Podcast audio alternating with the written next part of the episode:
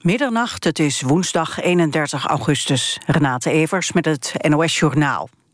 De afgelopen avond hebben zo'n 30 slachtoffers van de aardbeving in Italië een staatsbegrafenis gekregen. De ceremonie werd gehouden in het stadje Amatrice, dat zwaar getroffen werd. De premier en de president woonden de begrafenis bij. In eerste instantie zou de begrafenis in een andere stad worden gehouden... maar daar waren de bewoners van Amatrice kwaad over. Ze dreigden de bijeenkomst te boycotten als die niet in hun woonplaats zou zijn. In Amatrice worden nog steeds zo'n tien mensen vermist. PvdA-kamerlid Roos Vermeij keert na de parlementsverkiezingen van volgend jaar niet terug in de Tweede Kamer. Ze heeft de fractie laten weten dat ze na elf jaar toe is aan iets nieuws. Wat ze precies gaat doen, weet ze nog niet. Vermeij heeft in de PvdA-fractie de belangrijke portefeuilles arbeidsmarkt, AOW en pensioenen. Ze geldt als een vertrouweling van fractievoorzitter Samsom. Een stel uit Nieuwegein heeft volgens het OM bijna 4 ton verduisterd van een overleden tante. RTV Utrecht schrijft dat de vrouw bewindvoerder was van haar demente tante. Na de dood van de tante bleef het stel geld opnemen van haar rekeningen. Volgens de OM konden de twee daardoor jarenlang op een grote voet leven. Justitie eist dat het hele bedrag wordt terugbetaald en eist daarnaast een werkstraf. Deze week vaart, voor het eerst een cruiseschip ten noorden van Canada, van Alaska naar New York. De tocht is nu pas mogelijk door de klimaatverandering. Er konden sinds 2007 al wel wat kleinere boten varen, maar nog geen grote cruiseschepen. De cruise heeft volgens politici economische voordelen voor de regio, maar anderen vinden hem vooral slecht voor het milieu. Het weer helder en droog. Vannacht is er kans op nevel en mistbanken. Het koelt af naar zo'n 12 graden. Overdag volop zon. Het wordt 22 tot 26 graden. Dit was het NOS Journaal. NPO Radio 1. VPRO. Nooit meer slapen.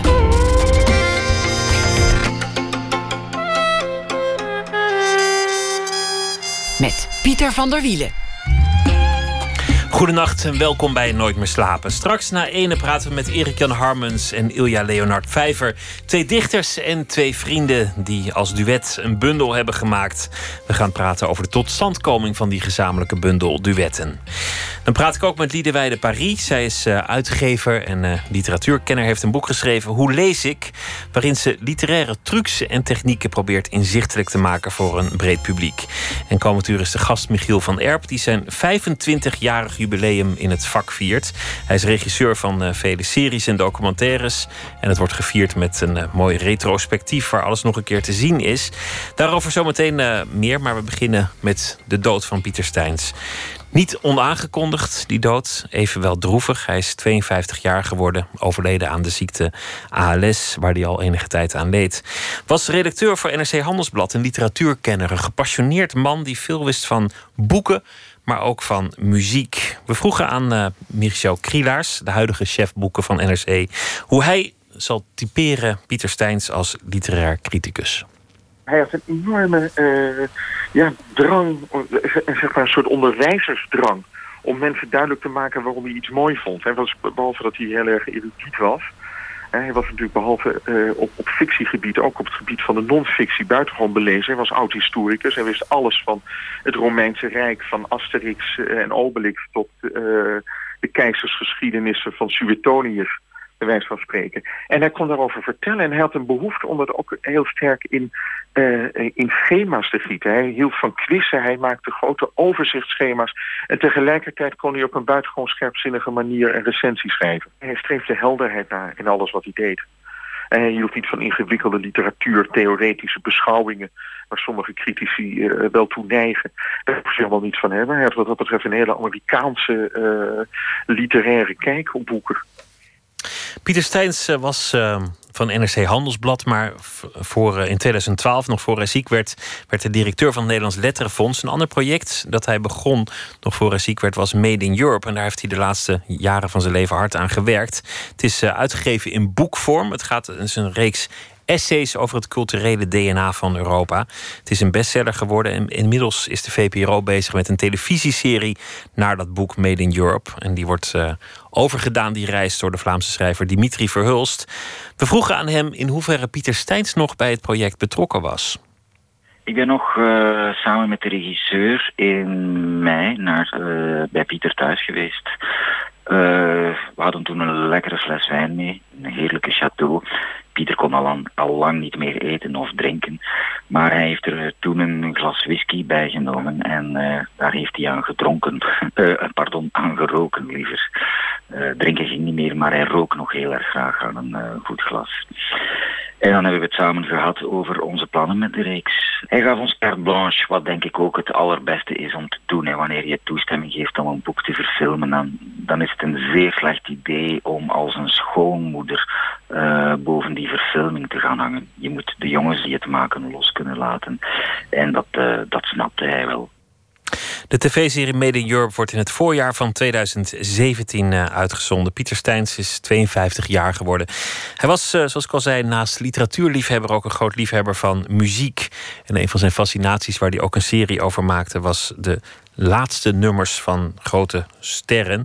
Zwanenzangen noemde hij dat. En een daarvan dat was Sam Cooke, een van zijn grote idolen. En we draaien dan ook A Change is Gonna Come.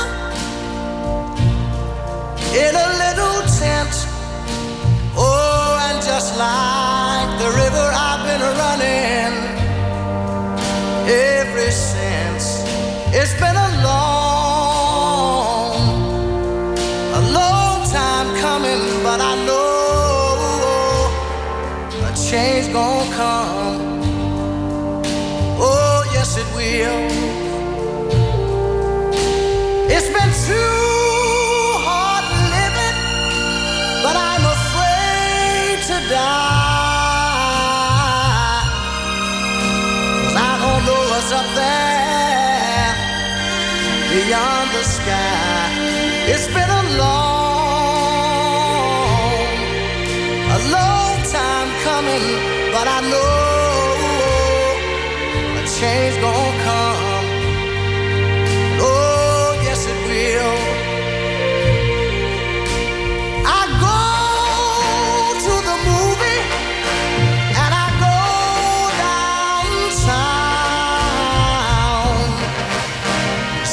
Somebody keep telling me don't hang around. It's been a long, a long time coming, but I know a change gonna come. Oh, yes, it will. Then I go to my brother say, Brother, help me please.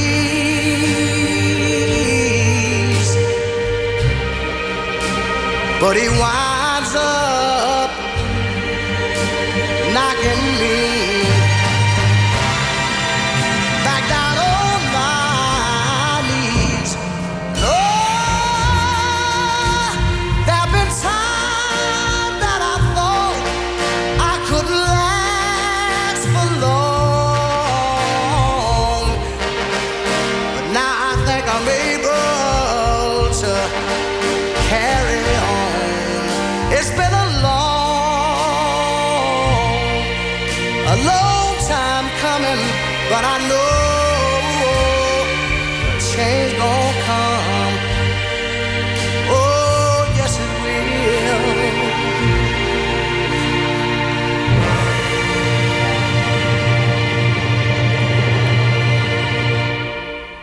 Ter nagedachtenis aan Pieter Steins, Sam Cooke met A Change is Gonna Come. U luistert naar Nooit meer slapen van de VPRO. En eh, komend uur ga ik praten met Michiel van Erp.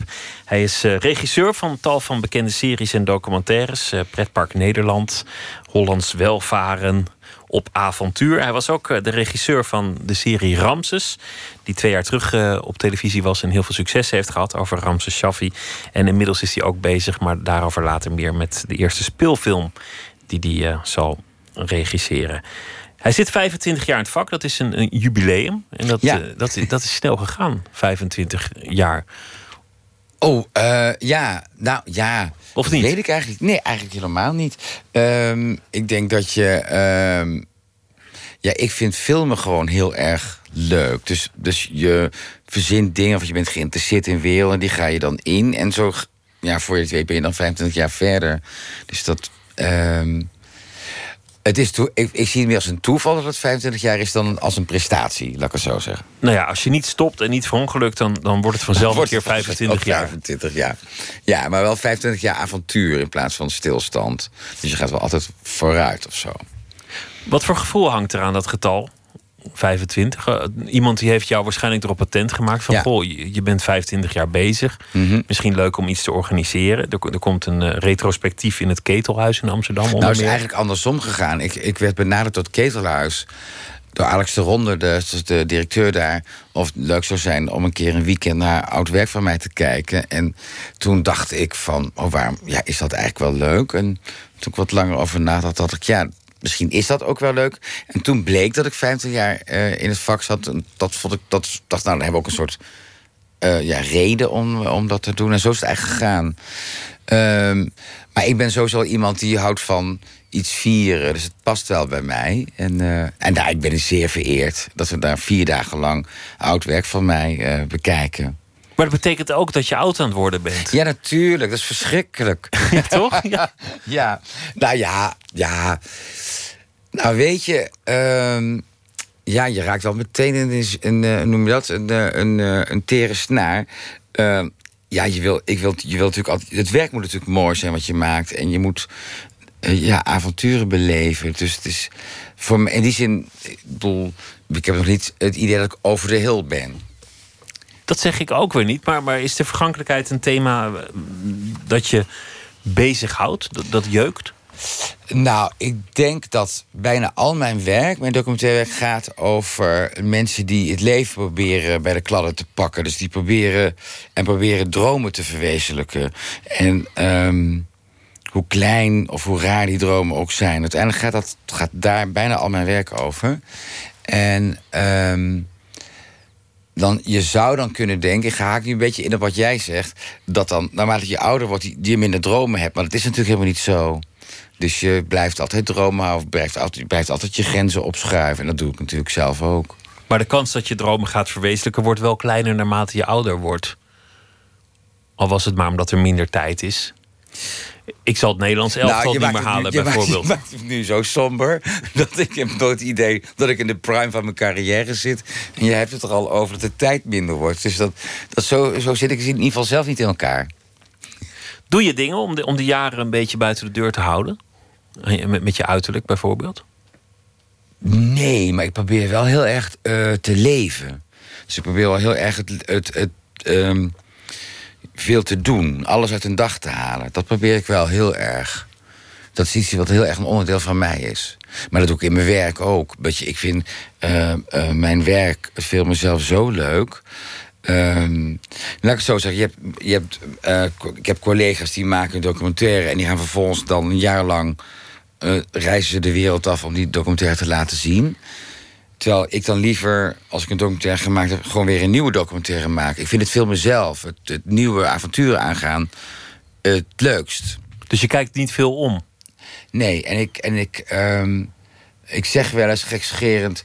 ehm, dat- ik vind filmen eigenlijk zo leuk. Als je nou zou zeggen, nou Michiel, waar kan je tussen kiezen? Dan zeg ik, nou laten we dan... dat ik iedere week ga ik dan films maken... maar ik hoef ze niet per se te laten zien aan iemand. Snap je wat ik bedoel? Ik vind het, het Je wil gewoon lekker op pad en draaien. op pad en maken draaien, en monteren maken en praten met bedenken. mensen. Dat vind ik het allerleukst. Maar nu gaat er omgekeken worden. Dit is het moment van het retrospectief. Ja. Terugkijken op je eigen werk. Je Ja. hebt ook moeten kiezen. Wat was echt goed? Wat was misschien achteraf minder goed? Wat is nou echt belangrijk? Heb Ja. je de erkenning gekregen waar je op hoopte? Ja, vind ik. Dat, ja, dat idee heb ik wel. Ik heb niet het idee dat wat... wat, wat nee, ja, ja, dat heb ik echt wel. Nou, het feit dat we zo zo vieren dat ik vijf jaar in het vak zit... Dat is erkenning. Dat, dat is natuurlijk enorm erkenning. Want ja, dat ga je niet doen als iemand niet van betekenis is. En, Dat klinkt misschien als een wezenloze vraag. Maar Nee, ik ken, maar geen wezenloze ik vraag. ken zoveel mensen die, die het ontzettend ver geschopt hebben. Misschien wel de grootste in hun vak zijn. Mhm. die, die, die nog steeds een hete adem in hun nek hebben. Omdat ze die erkenning maar niet hebben gekregen waar ze naar op zoek zijn. Nee, ik ben. eh, eh, en daar ben ik echt wel. eh, ik ben heel dankbaar voor überhaupt alle mensen die mij alle kansen gegeven om te maken wat ik kan maken. Of wat ik kon maken. En ook nog steeds wat ik kan maken. Het is toch een ongelofelijke luxe dat ik eh, kan dagdromen rond over een onderwerp. En dan denk ik, nou, maar dat is eigenlijk een hele mooi, mooi... Hier moeten we een film over maken. En ik de volgende dag dan de boer op ga met omroepen praten. Zeg, oh, maar dat is ook een leuk. En dan een, een paar maanden ben je dat aan het doen. En dat is toch wel eh, vaak hoe het dan toch uiteindelijk gaat. Je hebt het niet over de financiële rompslomp eromheen of zo. Maar in de basis kan ik toch wel maken wat ik wil maken. En ehm, dat zie ik wel als een vorm van erkenning. Je zei veel van mijn films gaan over mensen die bezig zijn met het verwezenlijken van hun Mhm. droom. Of het verwezenlijken van zichzelf. Ja. Mensen die, die iets najagen. Je had de serie Ramses gemaakt. Toen Ja. spraken we elkaar. Toen zei je. Het personage dat jij had gemaakt van, van Ramses, dat ging Ja. eigenlijk over jezelf. Heb ik dat toen gezegd? Oh, Want jij Ja. maakte van Ramses degene die, die, die zelf soort van bevrijd was. En die dan tegen de bakker zei. Als het niet je droom is om dat brood te bakken, doe het dan gewoon niet. Ga dan doen wat, je, wat wel je droom is. Ja. Waarom, waarom, waarom doe je het niet gewoon? Ik denk dat ik toen, wat ik toen bedoelde, en ehm, dat ehm, ik misschien ook wel een soort Ramses zou willen zijn. Of dat er een deel van Ramses ook wel in mij zit. Namelijk dat je het leven bij de kladden moet grijpen. En dat je moet, dat moet, na, dat moet najagen. Dus je dromen verwezenlijken. Maar, Dat je compromisloos moet zijn ja, in je en leven. waar ik mijn serie over maakte, die ging eigenlijk over dat Ramses uiteindelijk de andere mensen met die boodschap heel erg kon aanraken. Dus die bakker waar jij het over hebt. Maar niet zo goed wist hoe het dan verder moest. Dus Ramses die kon mensen wel aanraken en opjagen om die dromen na te jagen. Maar volgens liet hij ze ook weer vallen. En uiteindelijk kon Ramses dat voor zichzelf ook niet uiteindelijk niet voor elkaar krijgen. Die dromen. Dus hij kon wel naar anderen preken wat ze moesten doen, maar, maar niet voor zichzelf. En bij anderen zag hij wel wat er mis was, maar ook niet bij zichzelf. Ja, maar hij, hij zag van zichzelf ook niet wat er mis was. Dingen waren gewoon wat ze waren. Dus Hij eh, leeft ook wel heel erg in het moment, denk ik. dat bedoel ik. Dus, dus dan, heb, dan ervaar je ook geen downfall, zou ik maar zeggen. Want Wat was voor is- jou het moment? En, en was dat dan toevallig 25 jaar geleden, nu we het toch over het jubileum hebben, dat, Ja. dat je ging doen wat je echt moest doen? Nee, ik heb, Heb je een valse start gehad? Ik, nou, niet zo een valse start. Ik had gewoon... Ik wist eigenlijk niet zo goed toen ik jong was... wat ik, wat ik moest doen in het leven. Wie ik was. Dat klinkt nu heel naïef, maar... ehm, ik, ik, ik, toen ik een jaar of... Nee, ik ben toen ik 18 was... ben ik gaan studeren in Delft, industrieel ontwerpen.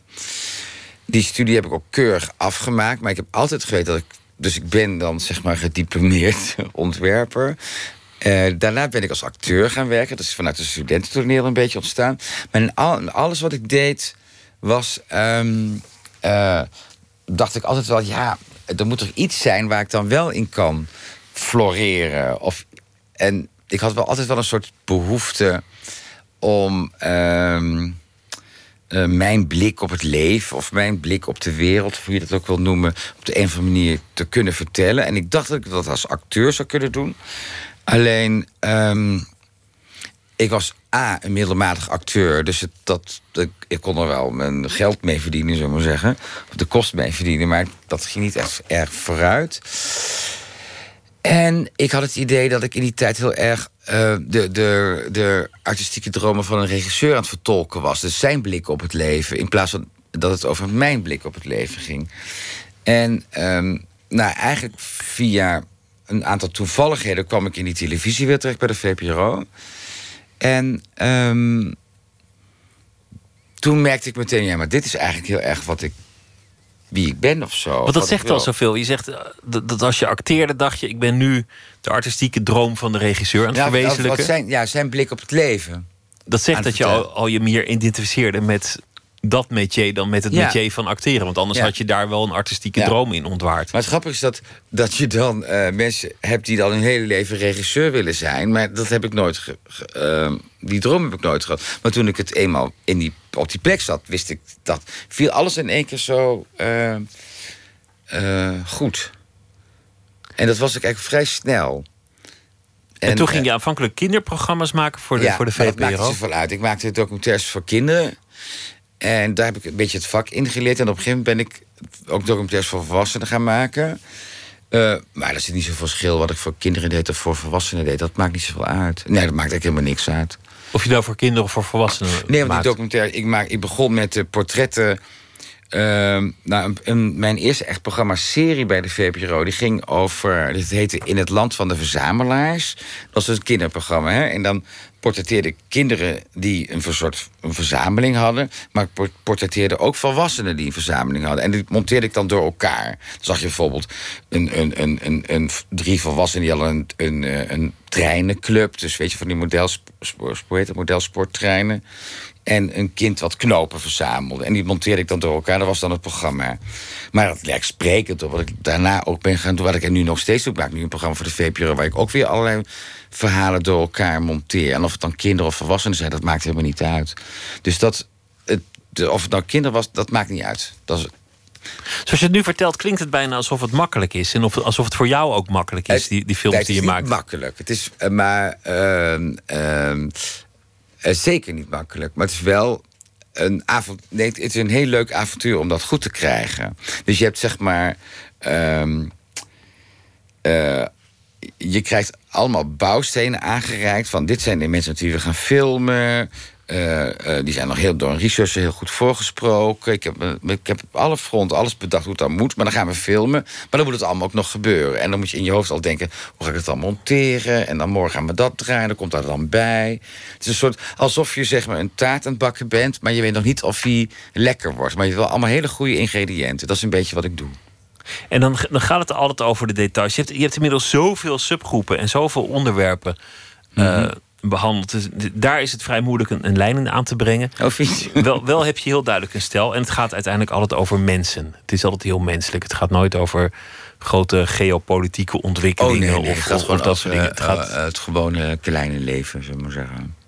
Ik weet over jouw eigen achtergrond dat je, dat je bent opgegroeid in Eindhoven. En dat Ja. je vader een muziekwinkel Ja. had. Daar houdt het op. Oh, En, en wat, ik, wat mij fascineert is de vraag of, of, het er, of het er kneuterig was thuis. nee, helemaal niet. Ehm, ehm, het was, ik kom uit een, eh, nee, kneuterig, nee, nee. Ehm, mijn, ik kom wel uit een heel gewoon gezin. Dus, dus eh, mijn vader was muzikant. Hij ehm, had, wij hadden thuis een muziekwinkel, dus een muziekinstrument. En dan moet je denken aan accordeons, gitaren en mandolines. En mijn vader gaf in huis les op die. Dus hij verkocht die instrumenten. En dan verkocht hij ook meteen erbij dat je dat ook les kreeg op dat instrument, zodat je dat heel goed kon spelen. En, ehm, en hij dirigeerde en hij trad op als muzikant. Maar eh, in mijn vaders, mijn vaders wereld was heel groot. Dus hij had het. En dat was ook zo. Dus hij eh, eh, was een gevierd muzikant. Dus dat is het tegenovergestelde van klein of kneuterig. Of, snap je? En, ik vraag het, kneuterig is ook een beetje, een beetje een Ja. rot woord. Het is een beetje, eigenlijk een beetje, een beetje een term die je niet moet gebruiken. Maar Nou, jawel, maar niet als het over... niet over jou, Nee. als het over jouw familie gaat. Ja, over, over niemands familie. Maar, maar ik vraag het om- omdat, het omdat het vaak iets is...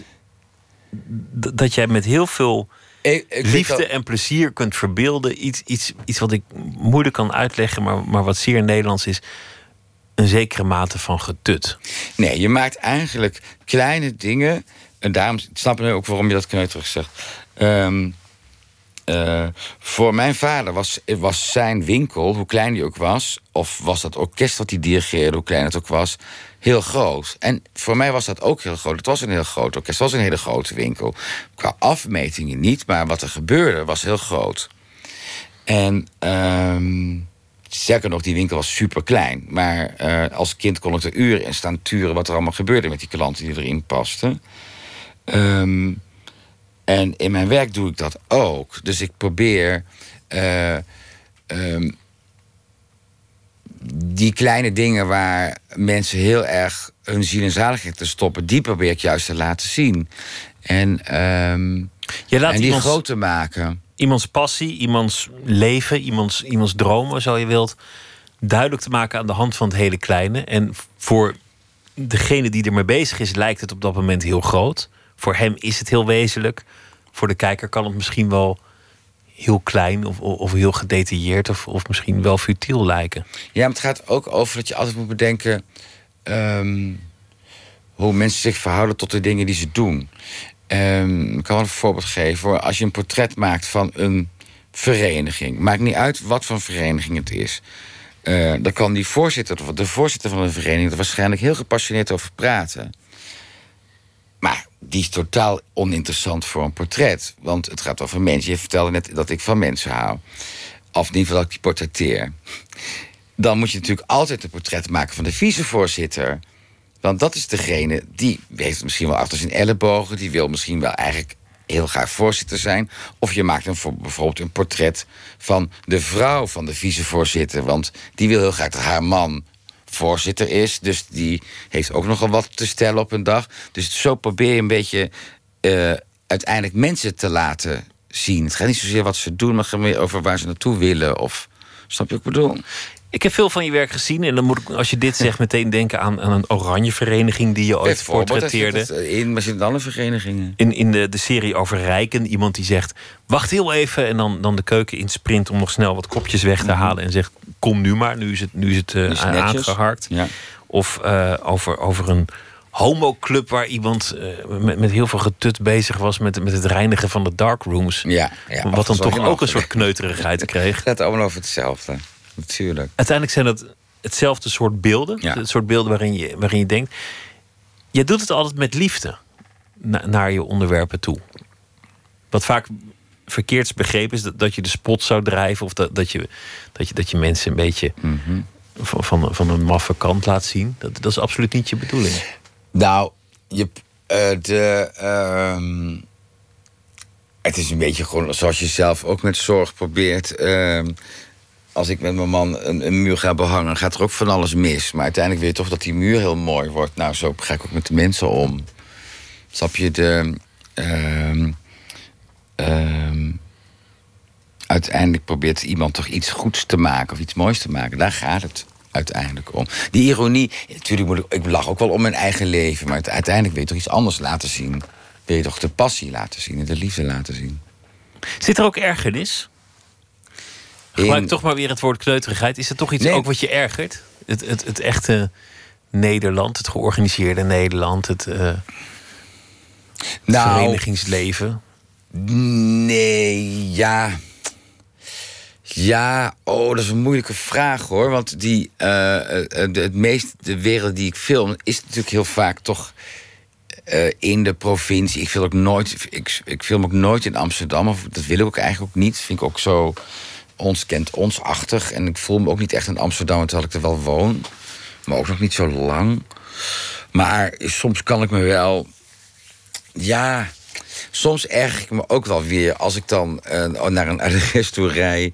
En dan kom je weer in, zo, in een buitenwijk terecht. En dan kom je op uh, Diergaarde 4405. En dan weet je al, dit wordt een hele barre tocht voordat ik bij dat huis ben. Want Chris Krast was een enorme buitenwijk waar geen einde aankomt. Dan erger ik me wel.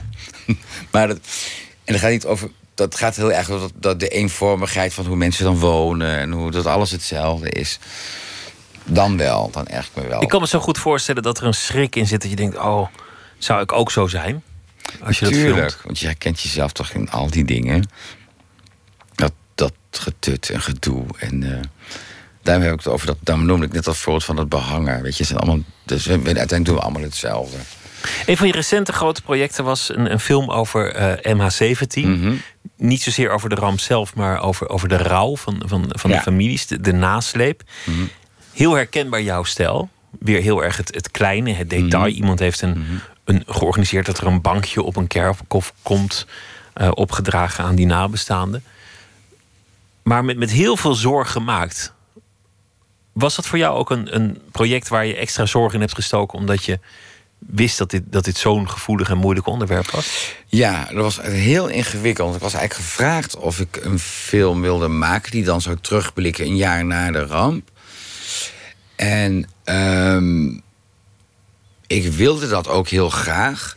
Maar het was heel ingewikkeld. Want we wilden, er was natuurlijk heel veel eh, heel veel families, heel veel nabestaanden waren in allerlei nieuwsitems geweest. En ik denk, ja, wat moeten we dan vertellen? En uh, had ik uh, Manon van der Sluis, een researcher, die heeft toen met heel veel families gesproken om te kijken, ja, wat gebeurt er eigenlijk dan het, komende jaar nog aan? Want ik had het idee, ja, er al, die kisten waren al teruggekomen uit de Oekraïne, maar toen bleek eigenlijk dat heel veel familieleden nog ja, bijna niets van hun dierbare was teruggekeerd uit de Oekraïne. Dus die waren eigenlijk nog aan het wachten van hebben we genoeg, letterlijk genoeg bordjes van onze zoon om te kunnen begraven. Dat toch het idee dat hij helemaal begraven was. En dat vond ik zo'n fascinerend gegeven.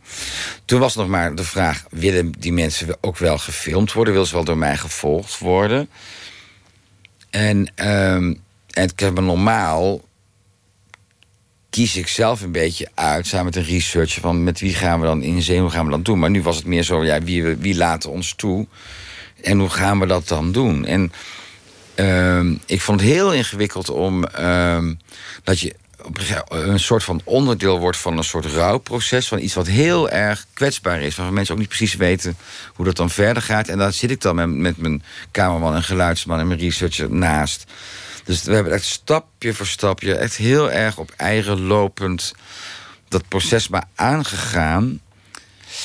En tegelijkertijd, als je dan eenmaal het filmen bent en die mensen zijn gehecht aan jou, dus aan mij, ja, dan kan je ook zeggen, nou, ook kan je ook er niet meer uit. Dus dan denk ik, ja, nu moeten we dan all the way in. Dat is enorm ingewikkeld. Het heeft mij ook enorm aangegrepen, omdat het zo uh, uitzichtloos was. En, uh, maar uiteindelijk hebben we het, uh, het project volbracht. En uh, ben ik er super trots op. Maar het is wel een. ik ben natuurlijk ook wel gewend om dingen naar mijn hand te zetten. In de zin van hoe je het filmt en hoe ik dan vorm zie. Maar ja, ik denk, ja, ik kan toch moeilijk. Je zit toch in, op, een gegeven moment heel veel begrafenissen. En ja, dat kan je toch niet heel erg. Dat kan, dat, ja, dan is het toch gewoon maar wat het dan is. Dus ik, dat, dat was super ingewikkeld. Maar, uh, wat, wat er zo goed aan gelukt was, was dat. Wat, wat typisch voor jou is, die, die kleine momenten mm -hmm. erin zaten, die, die ook wel ergens grappig waren. Iemand die als opdracht heeft van de gemeente om alle teddybeertjes die langs Ja. de route zijn gelegd te wassen. Nou, wat ik in een wel wilde- wasmachine. Ja, wat ik wilde wel. Die arme man die, die draaide de hele dag wasjes met, met knuffelbeesten. Ja, ik wilde heel graag vastleggen, maar dat was het andere wat me heel erg fascineerde aan die ramp. Was dat eh, het was in één keer een soort van ehm, een nationale rouw geworden. En ik was zo nieuwsgierig naar van ja, maar hoe gaat dat dan? Van, dan ben je, heb ik bijvoorbeeld mijn zoon verloren en mijn schoondochter. Nou, daar heb, daar heb ik het al heel moeilijk mee. Maar ondertussen is het, he- is het hele land met mij mee aan het huilen en aan het rouwen. En weet je, er waren ook van initiatieven dat mensen dan eh, duizenden kraanvogels aan het vouwen waren. Want dat is dan een soort Japans iets. Dan als je zoveel kraan, als er duizend kraanvogels voor een overledene zijn gevouwen, dan zal het goed met hem of haar gaan. Dus dan denk ik, ja, maar wat heb ik nou aan duizend kraanvogels? Mijn zoon is dood en die krijg ik niet terug. Maar ja, ondertussen is het hele dorp dan kraanvogels voor je aan het vouwen. Dat is een heel ingewikkelde situatie. Dat wilde ik heel graag ook Omdat laten die, die, rouw ook, die rouw is heel persoonlijk. Dat, is- Ja. dat is heel intiem. Maar nu werd het in één keer landelijk. Weet je, als En nu was het van iedereen, maar Ja, toch het ook weer niet. Het is ook bizar als je dan, dan ga je naar, naar dat eh, eh, vliegveld in Eindhoven, want er komen de kisten aan. En dan maak je in de afloop een praatje met, met Maxima, prinses ko- koningin Maxima, die dan haar armen om je heen slaat. Weet je, dat maakt het allemaal heel groot. Terwijl je het liefst natuurlijk gewoon onder een deken wil kruipen en eh, wil huilen. Maar nu is alles openbaar. En dan ehm, zijn er duizenden mensen langs de weg te applaudisseren. Terwijl ik denk, ja, maar waarom? Dus dat wilde ik heel graag vastleggen. In ieder geval, ik wilde voor mezelf begrijpen waar dat dan, wat dat dan is. En ehm, eh, misschien wil je dan niet, ga, je, nee, nee, vra- ga je nu vragen wat het dan is. Maar wat het volgens mij is, is dat mensen het prettig vinden om dingen in, gemeenschappelijk te beleven. Of het nou rouw is. Of eh, ik heb ooit een film gemaakt, Pretpark Nederland. Die ging over vermaak in Nederland. Over de vrije tijd, waar we zoveel van maar dat, hebben. dat ging ook over dat je liever met z'n duizend op een veldje zit om iets te kijken dan alleen. Maar, en dat, maar dat ging dus blijkbaar over die rouw. Ga, dat gaat ook zo. Dat je liever met het hele land rouwt dan thuis om die deken zit, blijkbaar of zo. Dus daar, ik zag en ik had daar wel veel parallellen tussen. Het is, het is een, moeilijke klus ook geweest, omdat die mensen jou moeten toelaten. Ja. Dat zegt ook iets over hoe jij werkt. Nou, het is gewoon dat je heel eerlijk moet zijn.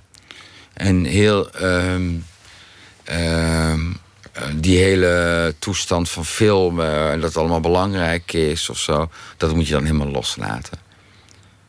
Snap je de. ehm, En, en wanneer ben je dan heel eerlijk? Waar ben je eerlijk over?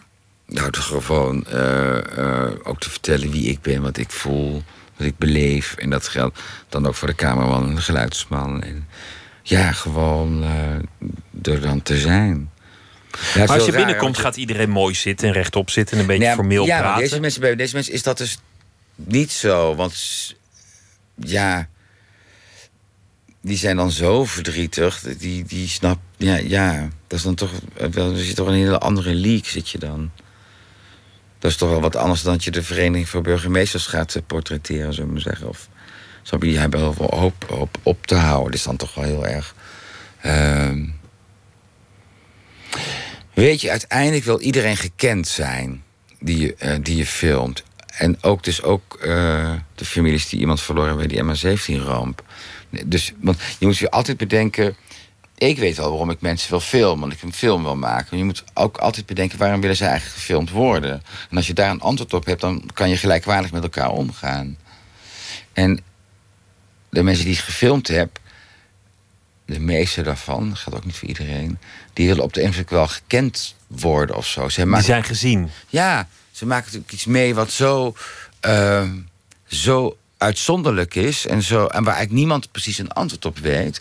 Kijk, die MH17-ramp is toch wel eh, van een ongekende grootheid in Nederland. Zou ik, niet, ik zou ook niet zo, nu zo snel weten wel- welke ramp we hiervoor hebben meegemaakt... die ook een dergelijke impact gehad heeft. Ik heb van nature een soort dwarsheid. En, en, en dat had ik toen ook. Dat dan iedereen langs de weg ging staan. En dat dan Ja. elke kist op tv moest. Mhm. en, en aanvankelijk dacht ik, wat, wat een, wat een ongelooflijk getut. Maar tegelijk veranderde dat gevoel of, of, of die analyse. Omdat Mhm. ik dacht, je geeft wel de waardigheid terug aan die mensen die daar uit de lucht zijn geschoten. Ja, ja. En het is een beschaafd land dat dat doet. Het is een onbeschaafde daad om zomaar iets uit de lucht te schieten. Mhm. En het is een daad van beschaving om zoveel aandacht te besteden aan elke kist. Ja, dat is Ik vond het eigenlijk heel mooi. Ja, het is ook heel mooi.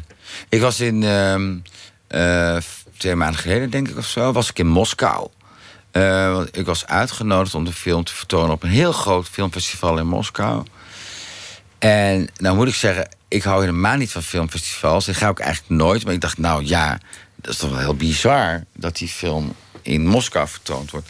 Dus ik dacht, dan ga ik toch. en zo kort mogelijk. Dus eh, was 's ochtends heen gevlogen en dan smiddags en s'avonds die vertoning de volgende ochtend weer terug. En toen bleek, we hebben een hele grote zaal helemaal vol met, in één zaal vol publiek en één zaal vol pers. En die waren allemaal in tranen over die film. En, ehm, en ik dacht, oh, eh, nu- zij gaan natuurlijk allemaal heel erg politieke vragen stellen. Terwijl het in die film gaat niet over wie dat nou gedaan heeft. Of weet ik wat. Maar het ging eigenlijk over dat zij dat ook allemaal zo verschrikkelijk vonden. Wat er gebeurd was. Dus eigenlijk heel erg in, ook in een soort verdompeld waren in, in, in rouw. En dat was, was ik wel heel blij mee om dat te zien. Ja, misschien voor mensen die nu luisteren die die film nooit gezien. Mijn film begint en eindigt natuurlijk in de Oekraïne. Hè? Dus dat daar de mensen ook Met de mensen die daar eh, lichamen als blaadjes uit de lucht hebben Ja, zien, ja. zien dwarrelen. En, en nu was ik natuurlijk op, in Rusland bij de mensen die dan dat vliegtuig hebben neergezogen. Niet letterlijk, maar eh, bij de Russen natuurlijk, bij de tegenstanders. Dus dat was wel heel bizar aan. Mooi ook dat, dat die identificatie blijft bestaan. Laten we luisteren naar eh, muziek uit het, eh, uit de Deep South. Een eh, blanke rhythm and blues zanger die zich St. Paul noemt. En hij wordt begeleid door het orkestje The Broken Bones. En het nummer heet Is It Me?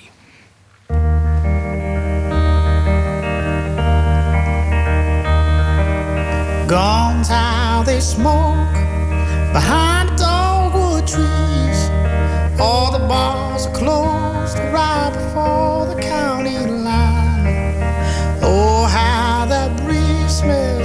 honey from a bee. Is it head? Is it home? Or is it me?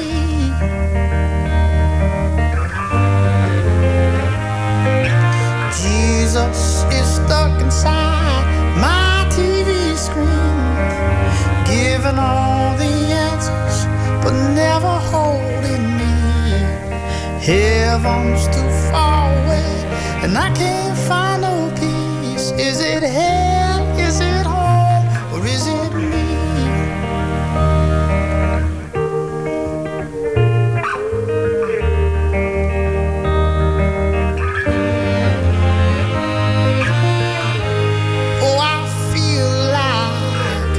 Cotton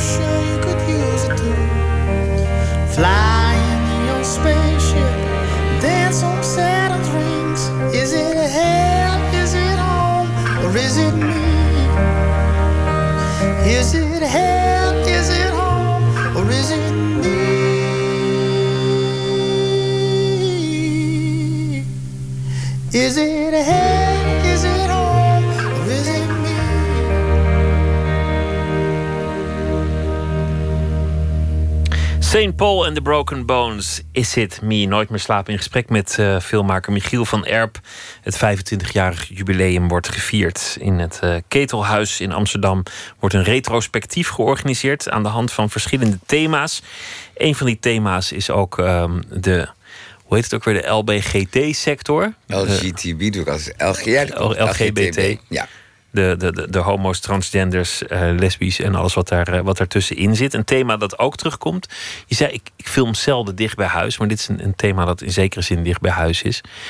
Je hebt zelfs een keer een, een, eh, een aflevering gemaakt van, van de reeks Op Avontuur. Ja. Over mensen die konden genezen. Die, die zeiden Ja. dat ze andermans geaardheid konden veranderen Ja. met medicijnen.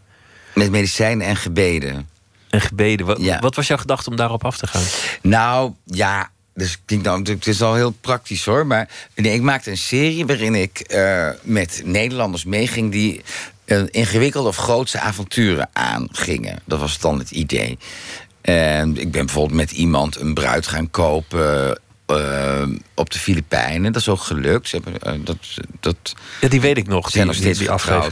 En ik ben met een groep ongeneeslijk zieken naar een soort goeroe die in contact stond met God in Nigeria geweest. En één aflevering zou gaan over twee mannen die naar Amerika gingen afreizen om daar twee homo's die daar dan hetero zouden worden. Alleen dus wel de hele reis geboekt. Alleen zij zeiden af en toen ja, eh, het is heel praktisch. Nee, laat, dan ga ik zelf wel. ehm, ben ik zelf het onderwerp en, eh, van die aflevering. Dus het is- het het op een praktische manier ontstaan. Maar uiteindelijk heb ik me daar wel helemaal ingestort. En ben ik ehm ja, zo'n rondreis gemaakt door Amerika om eh, hetero te worden. Maar het is, helemaal- toch, het is toch moedig, want als iemand je op straat zou aanklampen en zeggen: eh, Van Erp, ik kan je genezen van je geaardheid, Ja. dan, dan zou je je pas versnellen. Dan zou je je uit de voeten maken. Ja, maar als je dan, als je dan eh, voor een programma gaat, dan vind ik ook dat je daar je erin moet eh, storten. En nou ben ik nogal beïnvloedbaar, dus ik, ehm, ik dacht, ik, ga me, ik, geef, stort me daar helemaal in. En, eh, maar ja, het was op een gegeven moment na een paar dagen dacht ik ook van ja, bedoel, ehm, het was heel erg vanuit angst gestuurd en vanuit dat, eh, dat je homoseks niet mocht. Maar ik, het begon al dat ik bij een soort AA-bijeenkomst was. In plaats van dat het eh A is toch Alcoholics Anonymous was het dan HA, dus, eh, of gay, A, ik weet niet hoe het afgerond was. In ieder geval, die waren dan homo's die dan geen seks meer bedreven, als maar in ieder geval niet met mannen, maar er dan wel over spraken. En ja, maar dus, ik, heb, ik heb in die week zoveel mannen horen praten over fantasieën die dan eigenlijk niet mochten. Maar ik dacht, ja, volgens mij door te praten erover beleef je het ook nog steeds of zo. Dus het, het klopt ook niet. Of zo. Zoals, een, zoals een, een alcoholist die de hele dag over drank praat Juist. als die is eh, Ja, gestopt. Ja. ja, ik ben gestopt met drank. Maar ja, dan denk ik dat en dat. Dat was het eigenlijk. Dus dan, Nou, in ieder geval, ik ben als, gewoon als homo weer teruggekeerd.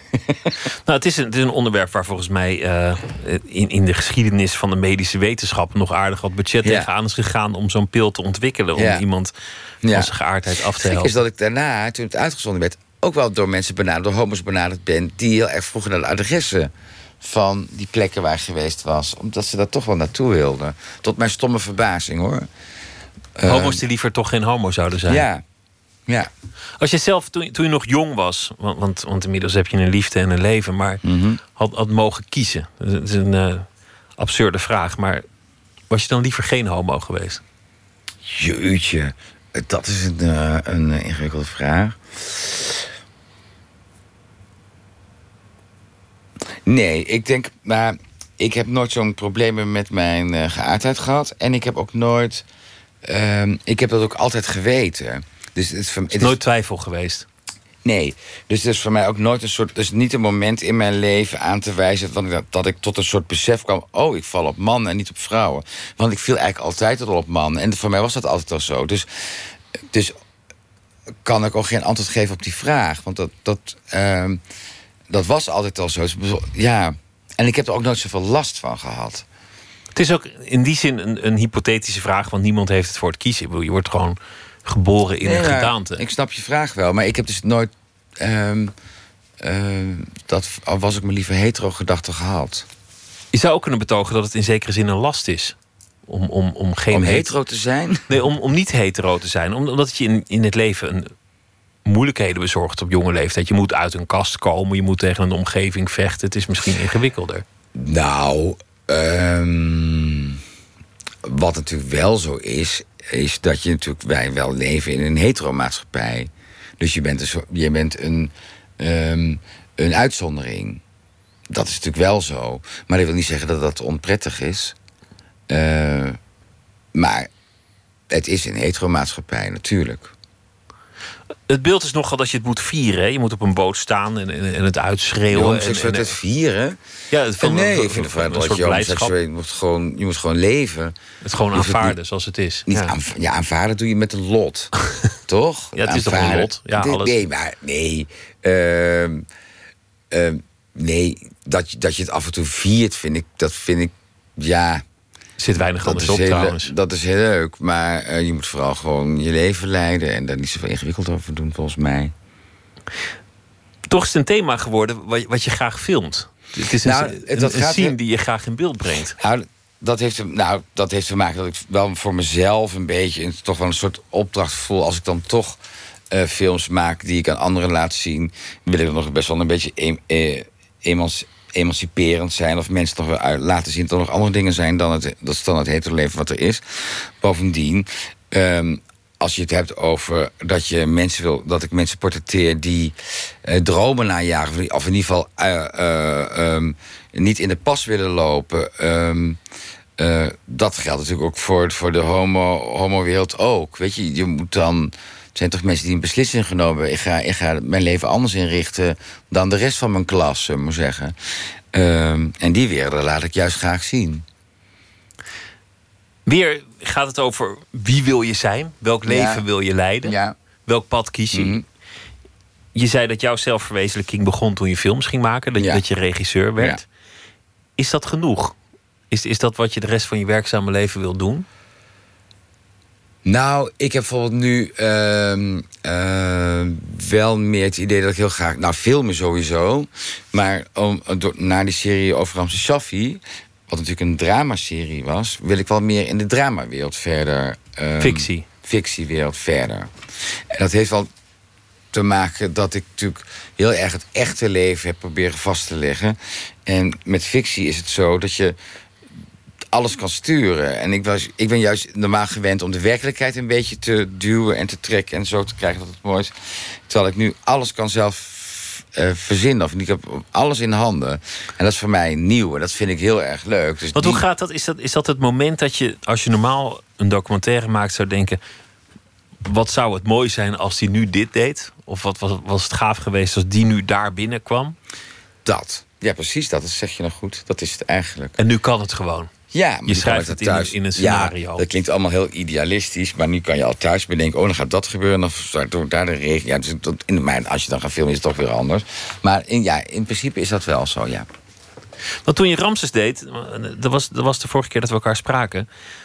Toen was dat nog, nog best een sprong in het diepe. Mhm. Een documentairemaker die een, die een nou ja, belangrijke serie ging maken. Voor, Ja. voor het eerst dat je dat deed. Mhm. Enorm succes geworden. Mhm. Nu ga je de, de film maken van het boek van Philip Huff. Ja. Niemand in de stad. Ja. Een, een film die, die zich afspeelt tegen de achtergrond van koorballen in, in de stad Amsterdam. Ja, maar die lijkt, die film het lijkt af. Nou, die eh, past ehm, heel erg bij, bij mijn documentaire werk. Dus de, de, de film. De film gaat over drie jongens. Die wonen in een studentenhuis. En ehm, die eh, willen juist het echte leven nog niet aan. Dus die, die zijn nog niet aan die dromen toe. Waar mijn andere werk over gaat. Die willen vooral het leven, dat het leven blijft zoals het is. En, maar ja, de, de werkelijkheid en het volwassen leven komt langzaam in hun leven. En op een gegeven moment moeten ze toch dat studentenhuis uit en het echte leven aan. En ontsnappen aan die ouders en aan wat iedereen van ze vindt. Een soort uitgestelde volwassenheid. Ja, ja. En ehm, mijn documentaire gaat juist over die mensen die weer uit de. Juist, die zijn een stap verder, die willen juist weer eh, nieuwe avonturen gaan. Snap je? Dus eh, dit, zit er, dit zit er eigenlijk voor in die zin. Ehm, en dat bijvoorbeeld, ehm, over in de film zegt een van de hoofdfiguren ook van. En die vraagt zich af waarom er zeg maar, in, eh, in, eh, in, ehm, het studentenkoor zeg maar, in, dat, in, een, in een sociëteitsgebouw geen ramen zitten. En dan zegt iemand zegt van ja, dat komt zodat niemand naar binnen kan kijken. Nee, zegt hij, dat is juist dat wij niet naar buiten hoeven te kijken. Snap je? Dus dat je nog met elkaar kan zijn dat, en dat die buitenwereld nog ver van je af kan duwen. En jezelf toch een hele pief vinden. Ondanks dat je nog niet in het grote leven bent gestapt. Ja. Dat je eigenlijk nog niemand bent. Ja, we zijn natuurlijk gewoon kinderen. Die, die proberen nog heel lang kind te blijven. Daar gaat het over. Ik kijk wel eens naar koorbal en denk van... Goh, eigenlijk zijn stiekem al een beetje volwassenen. Nee, die spelen allemaal spelletjes en doen heel belangrijk met elkaar. Dat is het eigenlijk. Zou het iets voor jou zijn om op een gegeven moment eh, het rigoureus te doen? Het zeggen, dit was mijn laatste documentaire. Vanaf nu werk ik alleen maar fictie. Nu ben ik gewoon filmregisseur. Dit wordt mijn nieuwe want, dat, eh, ding. Die, eh, nou, wat ik toen straks al zei, ik hou heel erg van het filmen zelf. Dus ehm, eh, dat is gewoon een way of life. Dat is, daar ga ik niet ineens zeggen, nou, daar ga ik nu in één keer mee stoppen om het andere te doen. Dat is ook helemaal niet nodig, want zoals de dingen, de kaarten er nu voor liggen, kan dat allebei heel goed. En heeft het allebei ook heel veel te bieden. Zijn er dingen die jij kunt, die je alleen maar in je werk kunt? Op mensen afstappen, met, met mensen praten, in, in, in Eh, mensen hun wereld komen, Wat natuurlijk stellen. fantastisch is in. eh, ja, ik bedoel, dat. Ik wil dat toen, toen, nou, 25 jaar geleden, of dan toch, dat ik toen ik eenmaal dan filmer was. ehm, ik het fantastisch vond, omdat ik denk, nou, nu heb ik gewoon een reden om allemaal werelden binnen te stappen waar ik als normaal mens nooit eh, in zou komen. En eh, dus mijn, bijvoorbeeld, ik was vroeger samen met mijn moeder enorme fan van het Koningshuis. En dus nu, en toen was ik filmen, toen dacht ik, nou, dat is toch heel leuk om te kijken of ik daar dan ook films over mag maken, of kan maken, of meemaken. Uiteindelijk heel veel dingen gedaan in en om het Koningshuis. En dat, maar altijd moet ik altijd denken van ja, met een camera kom je in die werelden. Maar dat geldt voor eigenlijk bijna alles. Nou, je zegt film. in en om, maar, maar eigenlijk vooral om. Want, Tuurlijk want is het om. De, de dag dat, dat eh, de koning zegt: ik, ik laat mij een jaar volgen door Michiel van Erp, die, die, die gaat helaas nooit komen. Vrees ik. Mevrouw Vrees, eh, waarom zou die eigenlijk niet komen dan? Nou, omdat de protocollen en, en de Rijksvoorlichtingsdienst, die, die, die mensen zijn natuurlijk allemaal veel te huiverig daarvoor. En ik, zou niet weten het, waarom niet. Maar, ik zou het eh, zo'n mooie film vinden de week op voorhand al. Ja, maar ik heb... ehm, Want als je het over getut hebt om te zeggen, ik en heb- protocol en en in ik ben mijn interesse een beetje aan het eh, kwijtraken. het Koningshuis. Ja. Eh, en het heeft niet te maken dat. ehm, dat heeft te maken dat toen, toen we kon- nog met koningin Beatrix te maken hadden. Maken hadden die, zij had een, een soort ehm, mysterie om zich heen nog hangen of zo. Een soort koninklijke afstand. En eh, koning Alexander en koningin Maxima, die zijn toch meer in het. Zijn, Ja, eh, er is weinig mysterie. Er is weinig. eh, het, is, het, is allemaal heel dichtbij. En daarmee, dat is hartstikke fijn en mooi. Maar daarmee ben ik ook wel een beetje mijn belangstelling verloren of kwijtgeraakt. Want je denkt, zulke jongens die kom ik in het café ook wel tegen. Bij wijze van spreken. Over je eigen leven weet ik ook niet zoveel. Je bent, bent al heel lang met dezelfde man, Ja. heel honkvast. Je, Al je hebt, 32, 33 jaar zoiets. je hebt hele trouwe vrienden. Je hebt mensen met wie je levenslang samenwerkt. En, en, je, en je verzamelt altijd clubjes om je heen. Een soort surrogaatfamilies. Mhm. Met mensen die, die bij jou in de buurt moeten blijven. Je, je productiemaatschappij heet ook De Familie. En dat heeft volgens mij daar ook iets mee te maken. Altijd Ja. zoek, zoeken naar, naar warmte. Je zei net over de onderwerpen. Je doet dingen toch altijd het liefst in gezelschap. Ja. Ben je ooit alleen? Nee, maar ik ben ook niet. Ja, daar hou ik ook niet zo van. Ik vind het wel heel fijn om eh, gewoon met mensen te zijn. Kun je alleen zijn? Ehm, ik probeer het nooit, maar ik denk het va- vast. Maar waarom zou, je dat moeten, waarom zou ik alleen moeten zijn? Als je, als je het heel leuk hebt met anderen. Nou ja, uiteindelijk ben je alleen, ook al ben je met anderen. Alleen ben je geboren, alleen ga je heen en alleen leid je je leven. Ja, ik vind het altijd ik wil altijd wel weten wat ik doe op een dag. Dus ik, het is, ik laat dat ook niet zo toe. Snap je? Het, is, het gebeurt ook nooit dat ik opsta s ochtends vroeg en dan niet weet dat ik die dag ga doen. Dat is allemaal al bedacht en ingedeeld. En ehm, ehm, dat vind ik ook prettig. Dus, Maar eh, da- daar zitten dan ook eenzame ogenblikken tussen. Er zit, dat- je bent toch ook wel eens in de auto dat, dat, dat, dat je helemaal zelf daar bent met misschien, eh, nou, met misschien Genesis op de radio om het, om het allemaal nog wat eenzamer te Genesis maken. Of weet ik veel wie op de radio. Maar Ja, nou ja, je moet toch wel eens eenzaam zijn? nee. Nee, maar waarom, zou ik, waarom moet ik dat? Of dat is meer omdat je. Iedereen is wel eens eenzaam. Ja, ik Of heb- alleen, maar, maar volgens, mij, volgens mij is ik dat ben niet voor... zoveel alleen gewoon. Nee. Nou, dan vermijd je dat. Misschien. Maar dat moeten we dan de volgende keer over hebben. Ik, ehm, eh, eh, nee, ja.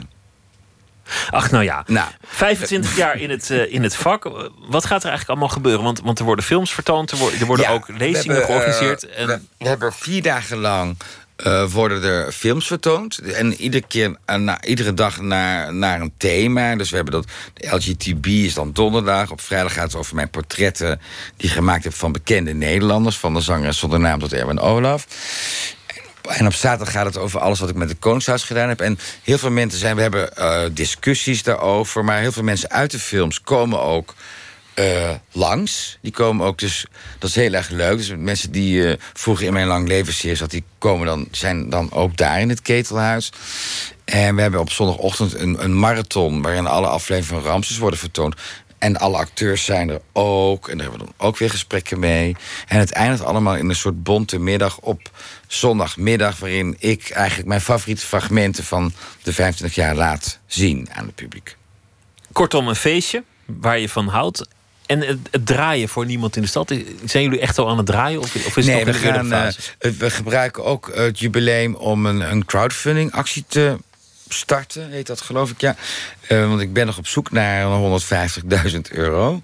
En ehm, dat doen we via Voor de Kunst, heet dat. En eh, moeten mensen maar kijken op die site. Dus dat, dat, dat start dan ook. En we hopen in april volgend jaar te gaan draaien. En dan is die film eind volgend jaar klaar. Michiel van Erp, dank dat je te gast wilde zijn. En heel veel plezier met het eh, omkijken. En ook heel veel plezier met het vooruitkijken. Dank je wel. Niks te danken. Zometeen eh, in Nooit meer slapen Ilja Leonard Vijver en Erik Jan Harmens. Twee dichters die samen een bundel hebben gemaakt. En Liedewij de Paris komt vertellen over haar boek Hoe lees ik? Daarin gaat het over literaire trucs en hoe je eigenlijk zo'n boek moet lezen. En Elfie Tromp is schrijver en die zal deze week elke nacht een verhaal maken bij de voorbije dag. En dat doet ze ook vandaag en dat zal ze zo meteen voordragen. Twitter, het VPRO NMS. We zitten op Facebook en u kunt zich abonneren op de podcast via iTunes of de website van de VPRO. VPRO.nl slash nooit meer slapen.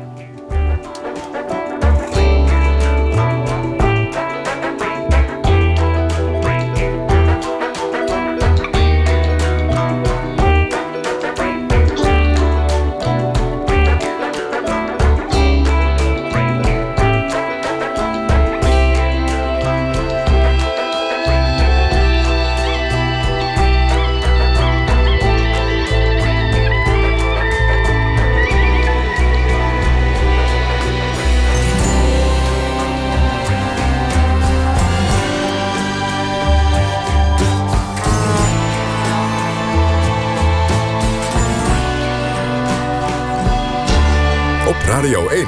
Het nieuws van alle kanten.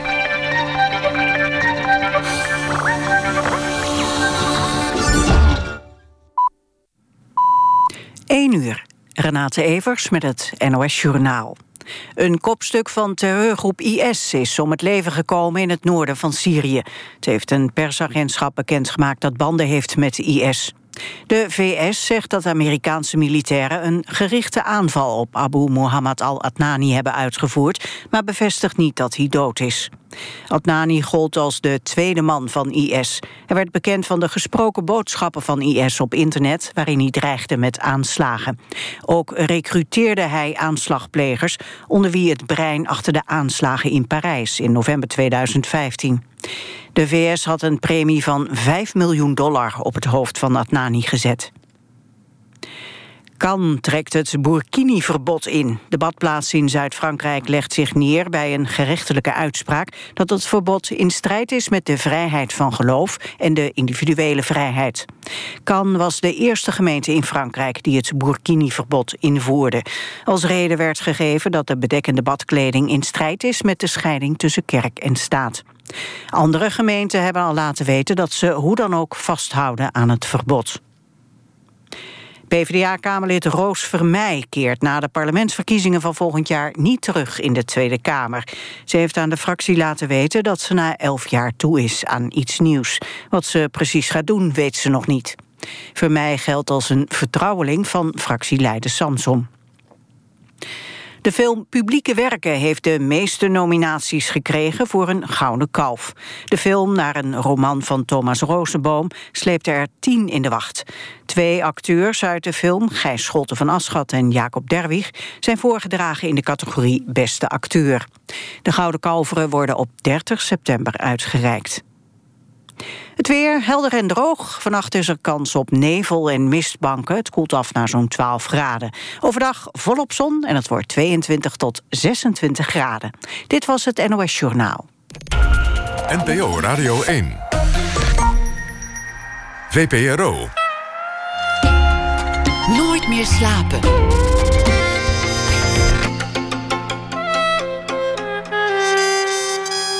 Met Pieter van der Wielen. Elfie Tromp is schrijver en uh, presentator en theatermaker. En deze week zal ze elke nacht voor ons een verhaal maken bij de voorbije dag. In 2013 schreef ze Guru, een roman. En de tweede roman heette Underdog en die verscheen vorig jaar. Elfie, goeienacht. Hallo daar. Zo, weer een dag uh, voorbij gevlogen. Hoe zal die dag uh, bijblijven? Nou, zegt dat wel. Um, we hadden het gisteren al over Tanja Niemeyer van de FARC. Die, uh, als je haar opzoekt op YouTube, uh, allerbeminnelijkste liederen zingt. Protestliederen. Uh, en het viel mij op dat de terroristen, de relschoppers van deze tijd... de kwaaie jongens... Um, die manifesteren zich steeds meer online. En ik zag een filmpje van neonazi-jongeren uit Duitsland... die uh, de vice-kanselier Sigmar Gabriel belaagden en uitscholden. En daarin gaf hij hen de middelvinger. En dat filmpje is viral gegaan in Duitsland. En toen dacht ik, daar wil ik wat over schrijven. Vroeger waren het brandbommen, nu zijn het likes op het internet... die de terroristen en ruilschoppers uh, verzamelen. Dus ik heb een monoloog geschreven vanuit zo'n neonazi-jongeren Spannend, ga je gang. Alright, dus hier spreekt de jonge neonazi. De maskers, dat was mijn idee. Gunther had een goede camera en Gina kon wel editen, zei ze. Maar ik dacht, alles goed en wel, maar mijn kop hoeft er niet op. Ik zal niet de eerste zijn die wordt ontslagen voor zijn overtuigingen. Dat is hoe het ervoor staat, lieve Leute. Als je eerlijk bent, als je zegt waar het op staat... word je hier keihard gediscrimineerd. Kun jij je dat voorstellen? In je eigen land? So much for freedom of speech. Dus ik kocht die maskers in een feestwinkel. We hebben ze zelf geverfd met de Duitse vlag. Gina heeft een strakke hand, dus het zag er goed uit. We wisten wel ongeveer waar ze waren, de bobo's. In de tuin van het parlement met hun zachte plushireten en volgefroten doofpotmagen. Gunther zou filmen. Wij hadden spandoeken. Maar wat hadden we nou nog meer nodig? Kijk, ik wilde eigenlijk vuurwerk gooien, maar dat vond de rest te gortig. Straks had je brandwonden en bloed.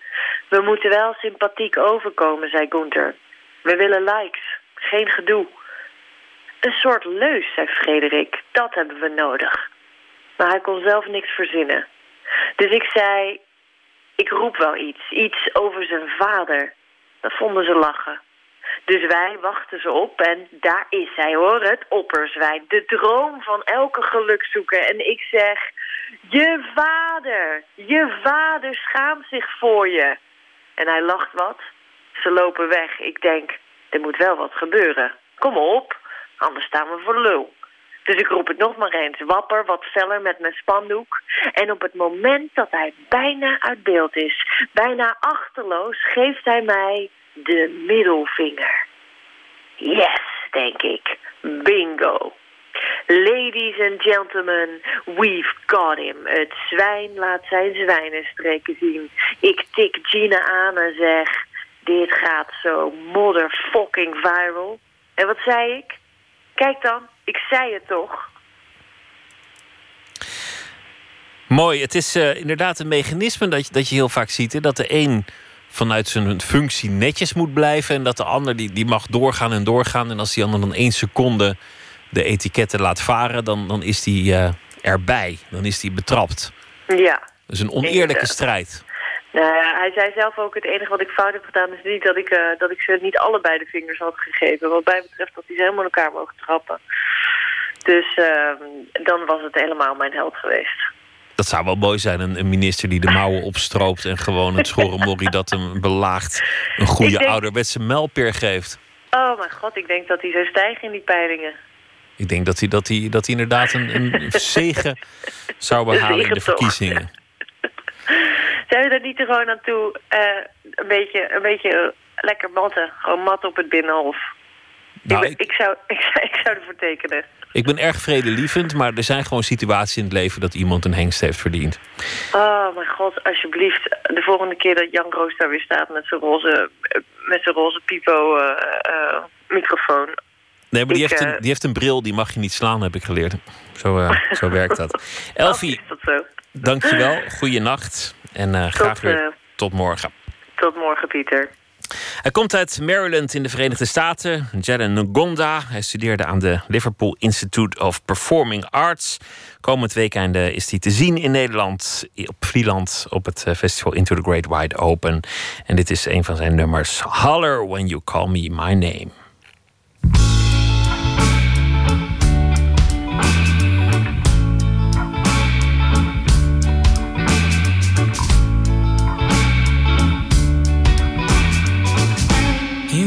You make me wanna holler when you call my name. Holler, and it starts a flame, yeah. Hold me tight and treat me right.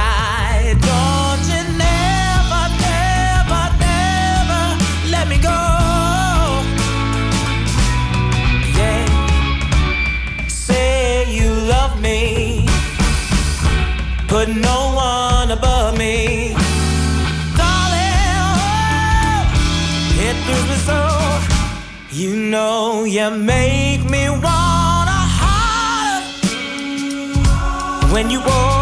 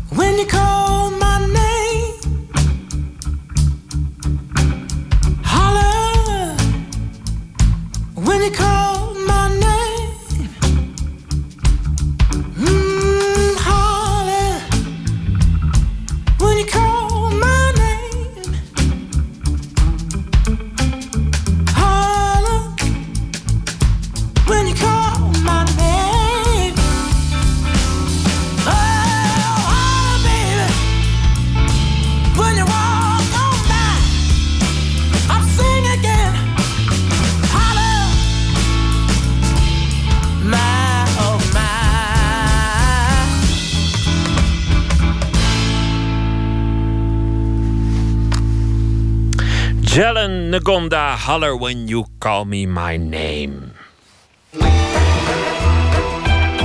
Nooit meer slapen. Ilja Leonard Vijver en Erik-Jan Harmens. Allebei dichters, goede vrienden, oud drinkenbroeders... en allebei sinds een tijdje volledig gestopt met de drank.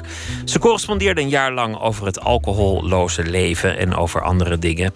En dat resulteerde uiteindelijk in een bundel. Tjitske Musche zocht het tweetal op.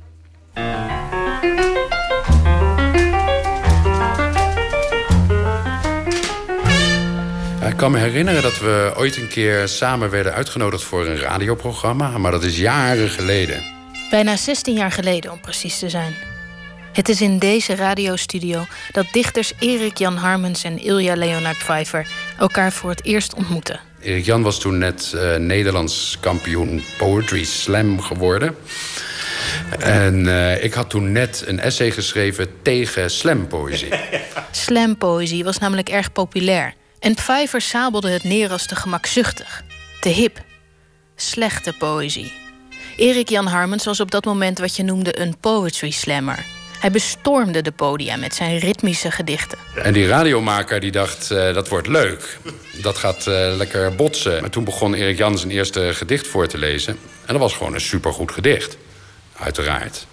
En toen, die radiomaker die, eh, ging hoopvol eh, naar mij. Die zei, nou eh, Ilja, dit vind jij dus helemaal niks. Toen zei ik, nee, dit, dit is helemaal geen slampoëzie. Dit is gewoon een knettergoeie poëzie. En daarmee viel het hele radioprogramma in het water. Maar daarmee was de vriendschap geboren.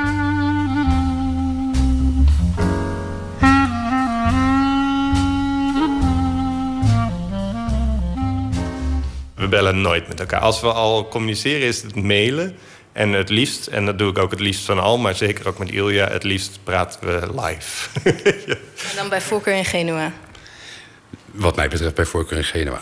Nee, maar het is niet zo dat we elkaar eh, heel erg vaak zien of zo. Maar dat is ook niet nodig. Als we elkaar weer tegenkomen, dan eh, gaat het gesprek verder waar we gestopt waren. En dat, dat vind ik een heel prettig soort vriendschap. Iets meer dan een jaar geleden zocht Harmens Pfeiffer op in zijn woonplaats Genua. En daar bedachten ze het plan om samen gedichten te schrijven. strofe om strofe.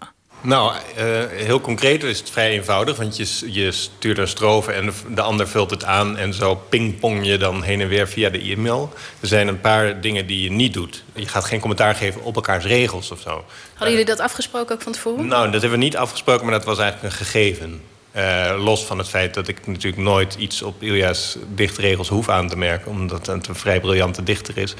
Uh, is dat ook de afspraak die je maakt. Je gaat natuurlijk... Uh, datgene wat de ander schrijft, neem je als, als gegeven... en daar ga je dan op reageren. En dat doe je niet zozeer letterlijk... door echt een antwoord te geven... maar het is een soort echoen, als dat een werkwoord is. Je gaat bijna echoen wat de ander aan jou mailt. En dat is wel heel bijzonder.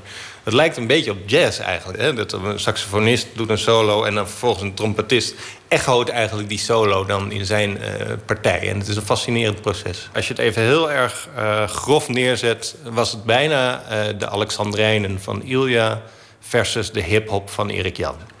En hadden jullie wel iets van een thema afgesproken waar het over zou gaan? Of? Nee, we hadden van tevoren helemaal niks afgesproken. Nee, nee we hadden zelfs niet eens afgesproken dat we echt zouden beginnen. Uh, het begon toen het begon. En uh, het is verder echt ontstaan. strofe voor strofe, regel voor regel. en terwijl je aan het werk bent, zie je wel bepaalde thema's die terugkeren en die interessant zijn om nog nader uit te diepen. Maar dat gebeurt eigenlijk pas tijdens het proces van het schrijven in samenspraak. Thema's die terugkeren in deze bundel zijn immigratie, social media, politiek, het is een bundel die met beide benen in de actualiteit staat. Wij vonden het wel heel belangrijk. Uh, dat hebben we ook niet van tevoren afgesproken. Maar dat blijkt ook uit het werk dat we maken als we niet samen iets maken. Uh, we vinden het heel belangrijk om. Uh, de tijd waarin we leven te laten meeresoneren in datgene waar we wat we schrijven. Ik vind het eigenlijk heel raar om dat niet te doen. Ik bedoel, er is zoveel aan de hand nu waar je van alles uh, van kan vinden, waar je van alles bij kunt denken. En ik vind het heel raar om daar niet op te reageren. Maar waar het ook vaak over gaat in deze bundel, is de drank. Of eigenlijk de afwezigheid daarvan. En hoe dat het dichterschap beïnvloedt. Harmens stopte ruim drie jaar geleden met drinken. Nadat hij naar eigen zeggen 25 jaar als alcoholist had geleefd. Pfeiffer ontboezemde eerder dit jaar in zijn brievenroman dat hij na jaren flink wat alcohol genuttigd te hebben ook niet meer drinkt. Ik heb zoveel niet gezegd. Het ligt in mijn mond besloten, als viskuit in het net. Ik wil graag eerlijk zijn, mijn vriend. De drank beheerst mijn avonden en dagen evenzeer als eerst, toen ik nog dronk en oplossingen vloeibaar waren. Terwijl ik op een nieuw horloge zit te staren en elke keer verbaasd ben hoeveel tijd er is, stel ik soms vast dat ik de oude Ilja mis. Die zich gevoelloos zoop, maar die tenminste wist wat hij moest doen en wie hij was. Hij heeft nooit zo officieel tegen mij gezegd. Ik, ik had het idee dat hij even was gestopt. Vervolgens las ik in zijn uh, brievenroman uh, Brieven uit Genua... dat hij eigenlijk soort van... Uh, nou, het leek wel permanent was gestopt. Maar eigenlijk is het niet echt een onderwerp van gesprek geweest... dat hij mij belde of mailde van ik ben gestopt met drinken. Het was ook een beetje, het was een beetje verrassend. het stemde mij ontzettend gelukkig omdat ik zag hoe gelukkig uh, Ilja eruit zag. En hoe goed hij eruit zag. En, dus dat ontroerde mij heel erg. Maar het is niet dat, dat, dat, dat niet drinken ons zeg maar van tevoren bond. Het is, nu vind ik het ontzettend fijn. Omdat we zo samen in het licht staan of zo. Ik bedoel, ook letterlijk nu hier in Amsterdam zo met de zon. Maar ja, dat is, dat is ontroerend. En ik denk dat dat het woord is. Dat het me ontroert dat we nu allebei zo licht leven. Je staat alleen aan dek met je frisse bek. Geen kegel, geen kater, geen couperose vlek. Maar ik zie je, ik zie je. Pfeiffer is je naam en Harmons is naast je aan dek gaan staan. De wereld waar ik veel te vroeg met nuchter hoofd ontwaak, is van de poëzie van hel beroofd. In plaats van groots verval en lonken naar de goot, heerst zondagmiddag met een bordje taart op schoot. En sta ik theedoeken en washandjes te strijken, voordat we naar de mooie bloemen buiten kijken. Het is niet dat, dit, uh, dat het feit dat we beiden zijn gestopt met drinken... een uitgangspunt was voor het schrijven van deze duetten... of dat het een beginpunt vormde van onze vriendschap. We kenden elkaar al veel langer. En uh, dat het dan in die duetten ter sprake komt... is omdat het natuurlijk toch iets is wat ons beiden bezighoudt. Het is... Uh, hem misschien wat minder dan mij, want voor mij is het allemaal wat recenter. Maar het, het, zijn, het zou heel raar zijn om dat geen plek te geven in gedichten... waarin je alles een plek geeft wat je bezighoudt. En omdat jij iets later bent gestopt, heb je ook iets kunnen leren van Erik Jan? Ja, hij is gelukkig niet zo'n uh, uh, afvallige die vervolgens anderen probeert te bekeren. Uh, dus we hebben in gesprekken daar verder nooit niet, niet echt heel, heel diep over gefilosofeerd. Maar ik heb wel heel veel geleerd van zijn, uh, van zijn boek, uh, Hallo Muur. Van zijn uh, roman, over, autobiografische roman over het stoppen met drinken. Een buitengewoon indrukwekkend boek waarin ik heel veel herkende. En dat heeft mij wel op, op verschillende manieren geholpen.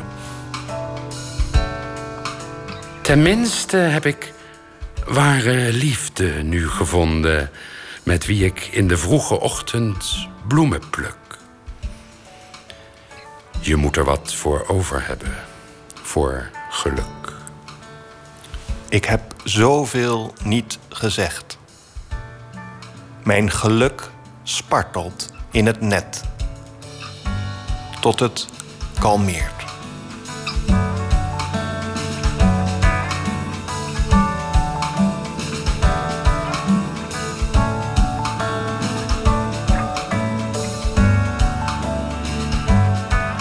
Tjitske Musche in gesprek met Erik-Jan Harmens en Ilja Leonard Pfeiffer over hun bundel Duetten. En die bundel is vanaf heden verkrijgbaar. De Amerikaanse zanger Ezra Foreman die liet zich op het nummer Penetrate inspireren door Iggy Pop. En nam het op in 2011, maar het is toch terechtgekomen op zijn nieuwste album. We gaan luisteren naar Ezra Furman. Penetrate my body, penetrate Penetrate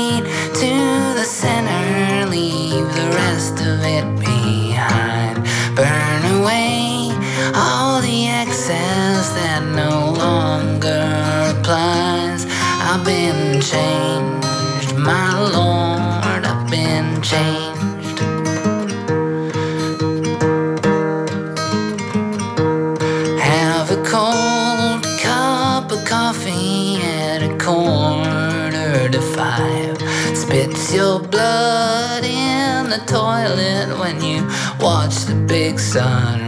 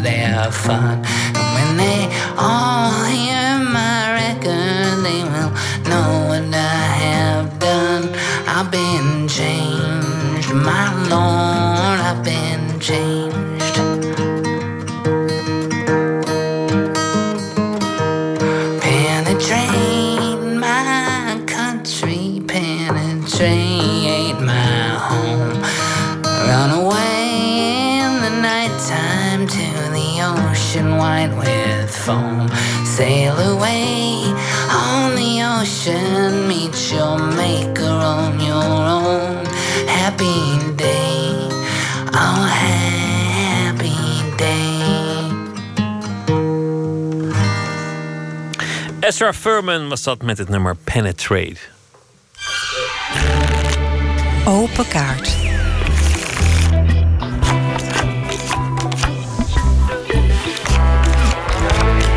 Een bak met 150 vragen en zo wordt het gesprek geleid aan de hand van eh, kaarten de gast trekt zelf de kaarten met erop de vragen. En uh, de gast, dat is vandaag Liedewijde Paris.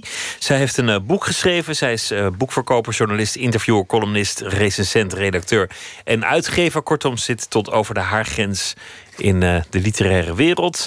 Schreef een boek met als titel Hoe lees ik? Waarin ze probeert bloot te leggen hoe je leest en eigenlijk daarmee ook hoe je schrijft. Oh, één voor één doen we hoor. Of oh, je, je hebt, ik dacht al. Je hebt alle kaarten al in één keer getrokken. Nee, maakt niet uit. Zijn er, zijn er genoeg. Liedewijde, welkom. Ik wilde eerst even, omdat het toch in het, in het boekenvak een, een, een heftige dag is die achter ons ligt, het heel even hebben over Pieter Steins. Overleden. Jullie kennen elkaar goed. Ja. Geen onaangekondigde dood, maar desalniettemin uh, verdrietig. Wat zijn jouw gedachten geweest vanavond? Je schrikt. Je weet het toch. En uh, zondag nog uh, zijn dochter gesproken. En die zei: Het gaat slecht met hem. Dus dat hadden we nog besproken. En ja, en dan de volgende dag kom je op kantoor. En dan krijg je te horen dat het toch afgelopen is. En dat, dat je weet het. En, en de eerste reactie is toch: ik had hem nog tijd gegund. Terwijl je weet dat het toch wel heel moeilijk en slecht was. Maar wat hij nog heeft bereikt nadat hij wist dat hij ziek was, is ongelooflijk. Eh, wij zeiden op de uitgeverij, het is gewoon uh, ja, mind over matter. Hij heeft gewoon besloten, ik ga dit nog doen. Eerst Made in Europe, dan toch nog weer de hele nieuwe literatuurgeschiedenis Steins. Hij heeft het allemaal nog meegemaakt. Hij heeft ervan genoten. Nou, dat hebben we hem allemaal gegund. Het was een man die dacht, waar ik gepassioneerd voor ben... en waar ik talent voor heb, dat ga ik nu op het laatst met, met dubbele energie doen... want de tijd is beperkt en alsof er een paar projecten gewoon voor hem nog af moesten. Ja, en hij kwam ook wel mee. Kijk, dat hij dus alles bij bleef houden. Hè. Dus ook uh, elke dag iets over een schrijver. En elke week toch nog weer uh, iets over ALS. En elke keer maar doorschrijven. Ja, dat heeft hij gewoon gedaan. En ik denk ook dat hem dat gaande heeft gehouden. Zo, zo was hij. Hij was bezig, hij moest door. En ja, gelukkig had hij een passie die hij kon doen. Nog met zijn ziekte, hoe moeilijk het ook was. Hoe gedenk je hem? Hoe, hoe zul je aan hem terugdenken? Nou, schatplichtig aan hem en dankbaar en een goed voorbeeld. En um, nou, als er één een ambassadeur was voor nou ja, popmuziek en literatuur, dan was hij het. Dus uh, laten we hem eren, dat is het enige. Dat, dat, eindeloos dankbaar. En ja, ik ben altijd boos als iemand doodgaat waarvan ik vind dat het niet had gemoeten. Maar dat heeft natuurlijk totaal geen zin. En zo zat hij zelf niet in elkaar. Dus dat, ja. Het is uh, droevig. Laten we het hebben uh, over het boek Hoe lees ik? Ja. Een, een, een, een, boek voor de lezer. Dat is altijd interessant, de lezer. Want, want als, als schrijver denk je aan een ideale lezer... die met volle aandacht alle nuances die je erin stopt opmerkt. Maar mensen lezen in de trein of, uh, of terwijl iemand tegen ze aan zit te praten... of, of in, een, in een druk café. Dat vind ik zelf altijd fijn om mm -hmm. in een druk café te, te, te lezen.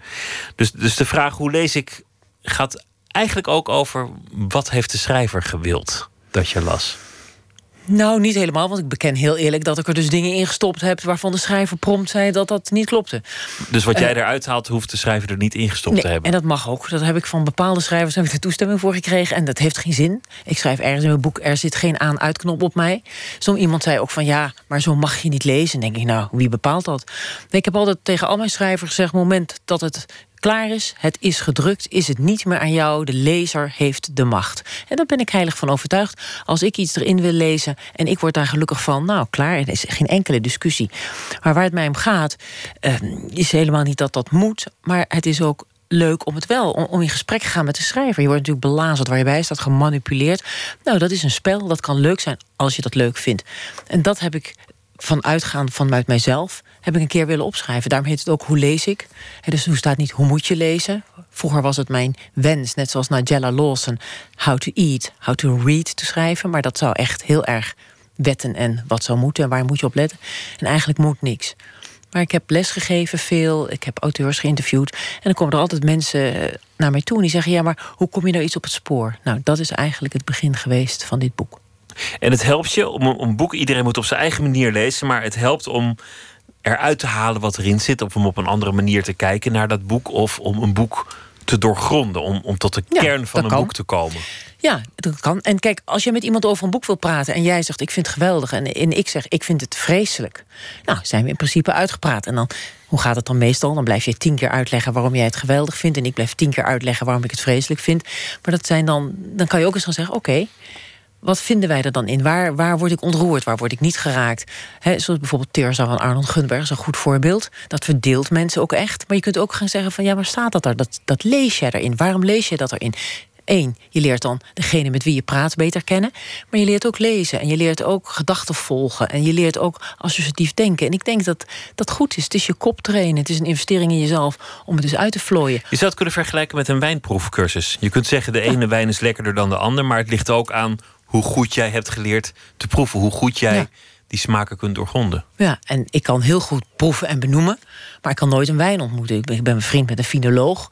En dan zegt hij, ja, maar die wijn die heb ik al een keer eerder voor je meegenomen. En dan denk ik, ja, dat zal best. Ik heb daar totaal geen talent voor. Ik kan heel, hij zegt, wat proef je? Ik kan perfect benoemen. Dan zegt hij, oh, dat heb je goed geproefd. Maar als je nou twee wijnen naast elkaar zet... en de een heb ik al een keer gedronken en de ander niet... ik haal het er niet uit. Dus dat moet je trainen, dat moet je ook leuk vinden. Laten we beginnen met uh, de kaarten. Ja. Je, je trok in je enthousiasme. Ik, ik, ja, ik, ik, dacht dat het er vijf moesten zijn. Ik ben ja. altijd zeer voortvarend. Is heel goed. Moet ik de vraag eerst maar eens ja. voorlezen?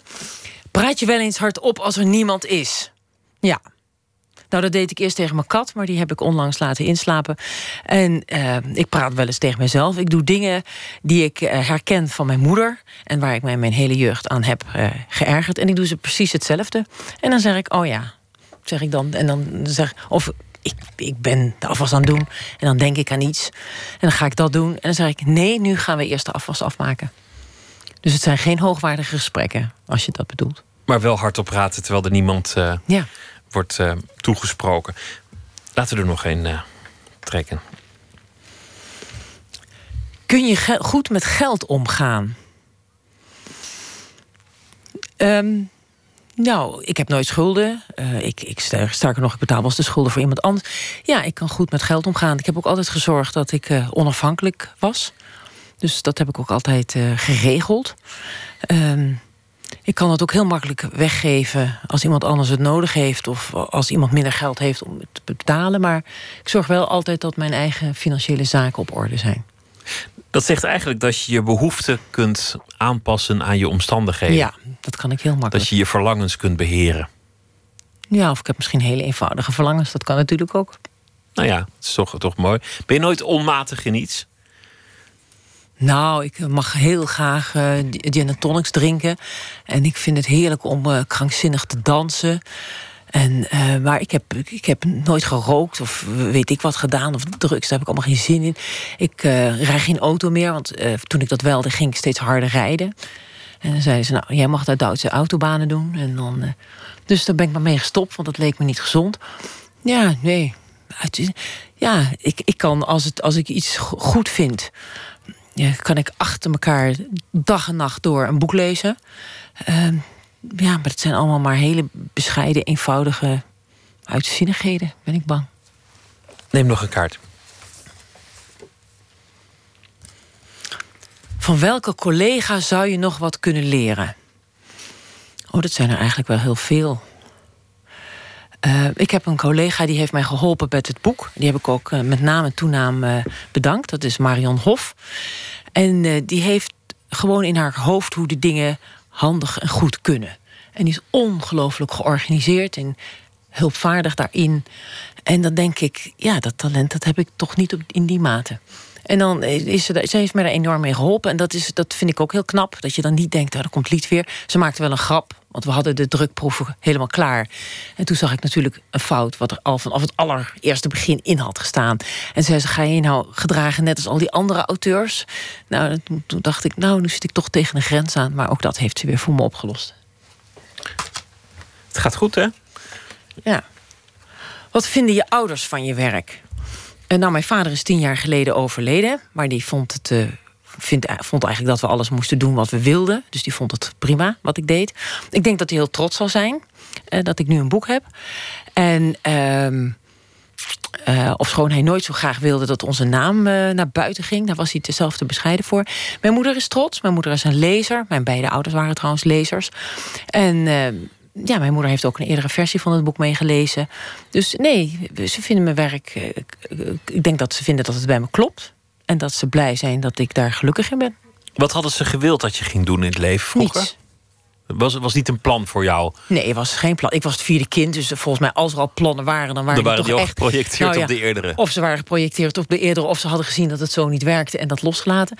Nee, maar ik, ik had een vader die heeft in Nederlands-Indië gezeten in de oorlog... dus die is teruggekomen naar Nederland en gedacht... eh, ik, je moet in vrijheid en in, in keuzes eh, mensen hun gang laten gaan. Dat heeft ook altijd gestimuleerd. We moesten alles verdedigen wat we vonden, dat wel.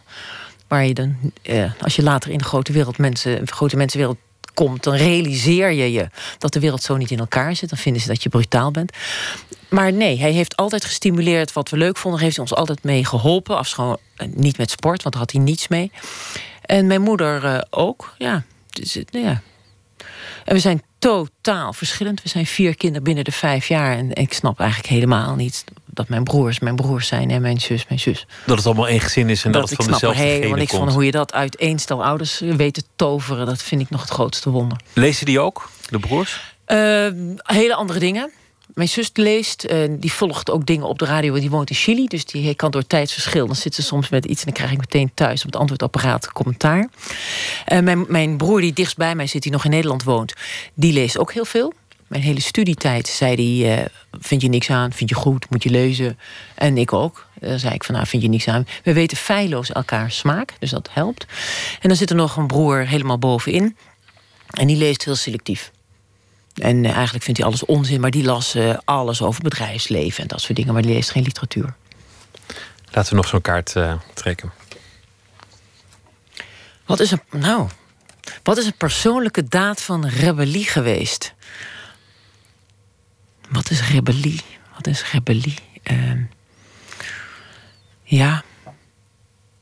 Dat is een moeilijke vraag. Wat een ontzettend moeilijke vraag. Een persoonlijke daad van rebellie geweest. Nou ja, van verzet, van ondeugendheid, van... eh, Nou, wat ik wel weet. ehm, mijn eerste ambitie was naar de kunstacademie te gaan. En ik zat eh, voor, een voor de eh, toelatingsexamens.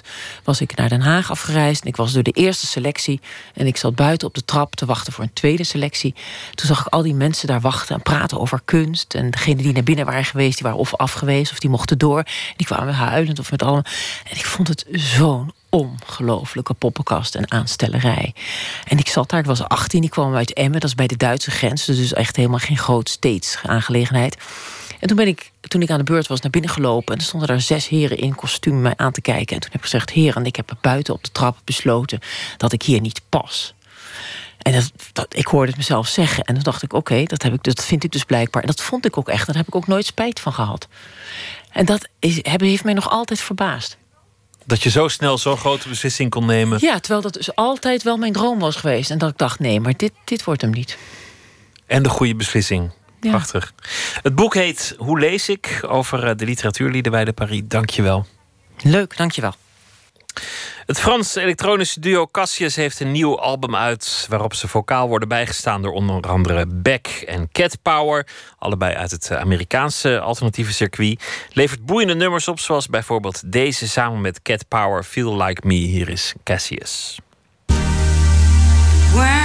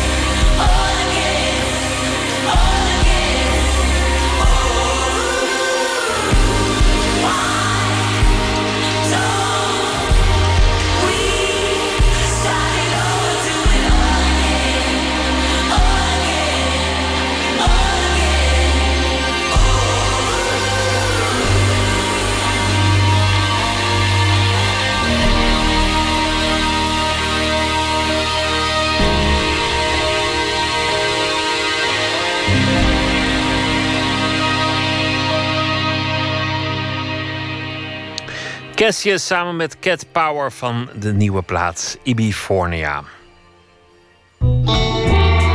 Nooit meer slapen. Ergens aan beginnen, voor sommigen iets om tegenop te kijken, om het uh, uit te stellen. En voor anderen juist een moment dat allerlei mogelijkheden in zich herbergt. Deze week is het het onderwerp van een nieuwe serie. Een serie over het thema beginnen. Deel 2 over singer-songwriter Lucky Fons de derde. Vandaag werd hij genomineerd voor de 3 voor 12 Award voor beste album van 2016. In Jenaki heette die plaats. En in februari begint zijn nieuwe theatertournee. En hij moet alles daarvoor nog schrijven.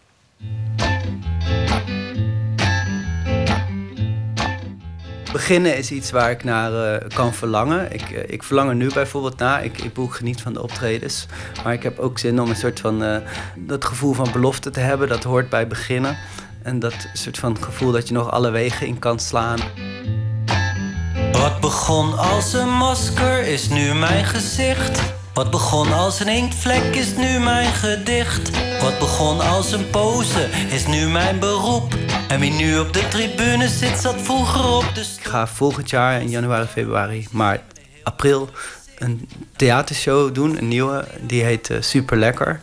En ik wil graag, uh, ja, dat, dat ga ik nu binnenkort schrijven. Maar uh, ik vind beginnen altijd leuk en ook, ook tegelijkertijd vreselijk. Ik hou van soort van grote projecten. Een groot project is bijvoorbeeld een album of een tour of een theatershow. Ik doe dat soort dingen graag, liever dan dat ik bijvoorbeeld elke week met iets anders bezig ben, uh, waar, je een paar dagen mee bezig bent.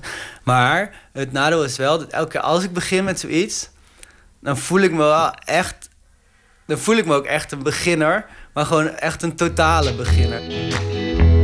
En het leven is zo lelijk en het leven is zo mooi.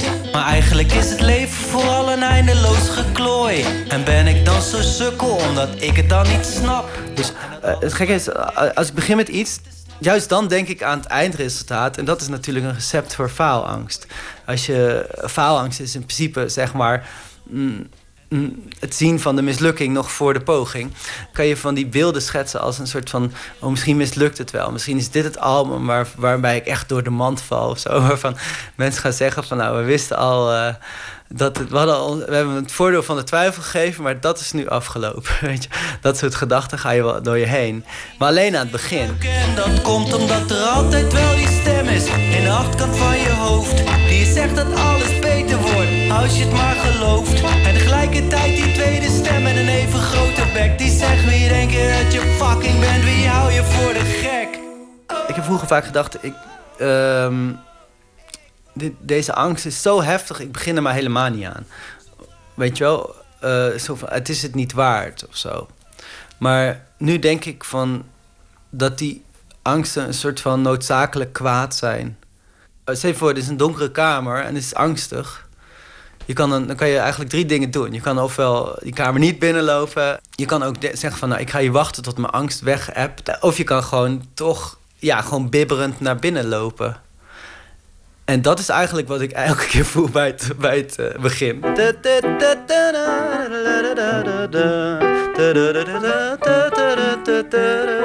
Nou, dus, kijk, bijvoorbeeld nu improviseer ik gewoon een beetje. En dan denk ik van... Dan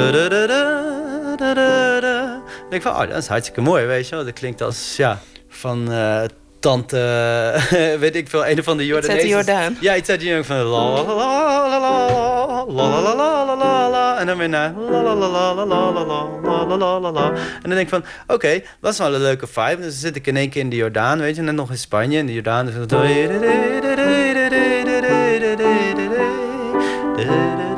als ik ga zitten wachten op het moment dat ik me goed, voel, goed genoeg voel om te beginnen, dan ga ik nooit beginnen omdat ik het best wel druk heb, uh, schrijf ik wel het begin ook in mijn agenda. Zo van die dag begin ik. In september begin ik, dus dat is volgende week. Ik kan me niet veroorloven om zeg maar op een bliksemschicht van inspiratie te wachten. Uh, dus um, dan zeg ik gewoon, oké, die dag. En dan ga ik gewoon om tien uur achter mijn piano zitten. Nou, dan zit ik gewoon een beetje met die akkoorden te klooien. Toevallig staat er nu een boek op uh, met liedjes van The Doors. dan kan ik dat bijvoorbeeld nou ja, hier staat dan Spanish Caravan. Dan speel ik dat even voor, om een beetje in te komen. Carry me caravan, take me away. Take me to Portugal, take me to Spain. Nou, dan denk ik van, oké, dat is wel, wel leuk of zo. Dat staat dan toevallig op, zo. Dan denk ik, oh mooi, het heeft een beetje zo'n uh, mineur Europees geluid en zo. En dan denk ik, misschien kan ik daar ook wel iets op. Dan varieer ik daar een beetje op.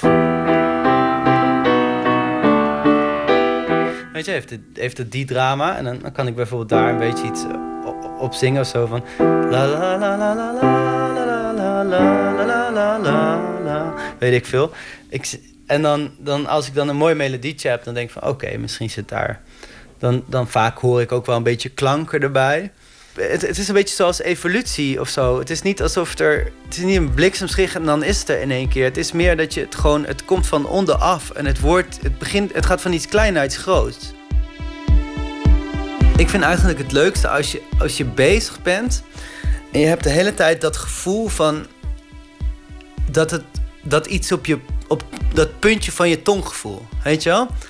Ken je dat, dat gevoel dat je mm, denkt, ik wil iets zeggen, maar je weet nog niet wat. Maar je weet dat het gaat lukken of zo. En dat, dat gevoel krijg je een beetje voor het einde. Dan, dan, dan, dan is het er nog niet, maar je weet al wel welke kant het op moet. Was ik maar een robot met een luikje in mijn hart, waarop iedereen kon zien waar ik van hou. Dan zag je daarop woorden zoals koffie of muziek. Maar altijd stond er ook het woordje jou. En dan hoefde je niet te twijfelen aan wat ik zo vaak heb gezegd. En misschien komt er ooit nog wel een keer de dag. Dat ik onder de douche vandaan kom en in mijn ogen wrijf. Om de woorden die ik in de spiegel zag.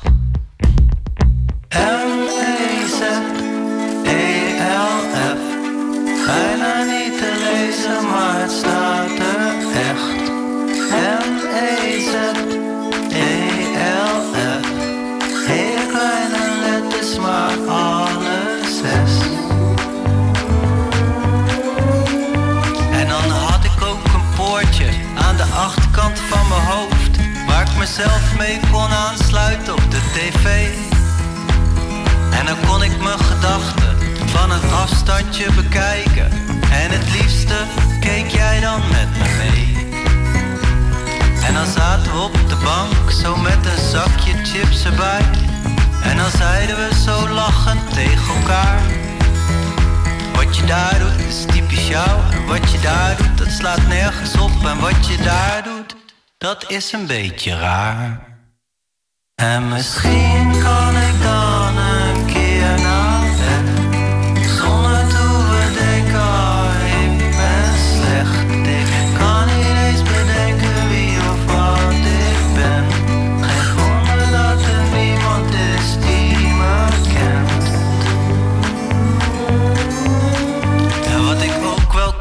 gebruiken, is een soort van microfoon. Niet een gewone, maar één om anderen mee op te nemen. En in mijn oren dan een speakertje dat alles dan vertaalt naar een taal waarin ze zeggen wat ze menen. En dat dan blijkt dat ik al die tijd me heb verloren in een strijd, omdat ik dacht, het zal wel heus niet waar zijn. Toen die keer dat jij me zei dat ik geen robot hoef te zijn en dat je toch wel van me hield ook als ik raar ben. Oh mijn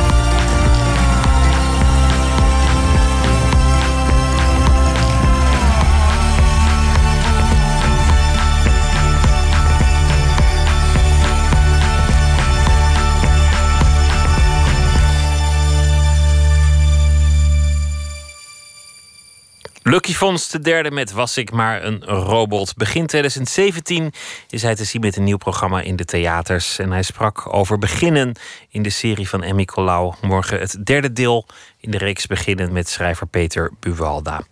We eindigen met poëzie van Ingmar Heitse. Hij is uh, dichter en deze week zal hij elke nacht een van zijn gedichten voordragen en toelichten.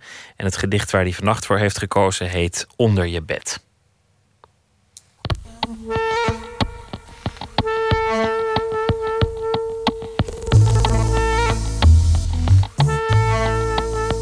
Onder je bed. Van alle dingen die ik bij je vond, zoals ogen die me mezelf lieten zien, een kleine neus met onzichtbaar dons die aanvoelde als framboos als ik je kuste, lippen in al hun mogelijke standen, van boze smalle strepen tot open berstend vruchtvlees, perzik, mango, alles wat maar zoet en zacht en nat. Een mooie mond om in te werken, zegt je tandarts. En zo is het. Borsten, benen, billen en de rest, zie hooglied.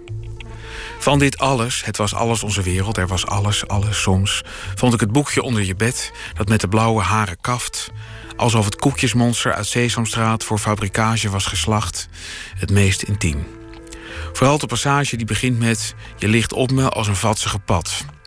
Je schaamde je toen ik het las. Je dacht, nu denkt hij God weet wat. Je kent de inktvraat in mijn hoofd.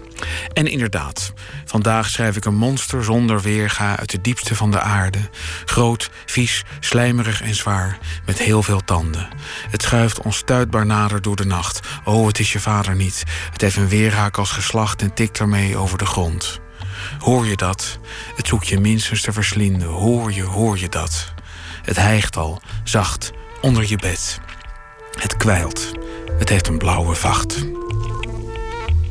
In een wat uh, meer promiscue tijd, al een behoorlijke tijd geleden, had ik een vriendin. En na een week of zo vond ik per ongeluk onder het bed haar dagboek. En het dagboek was in een soort blauw, blauw vachtje was dat gestoken. En daarin hield ze haar, uh, haar ontmoetingen bij.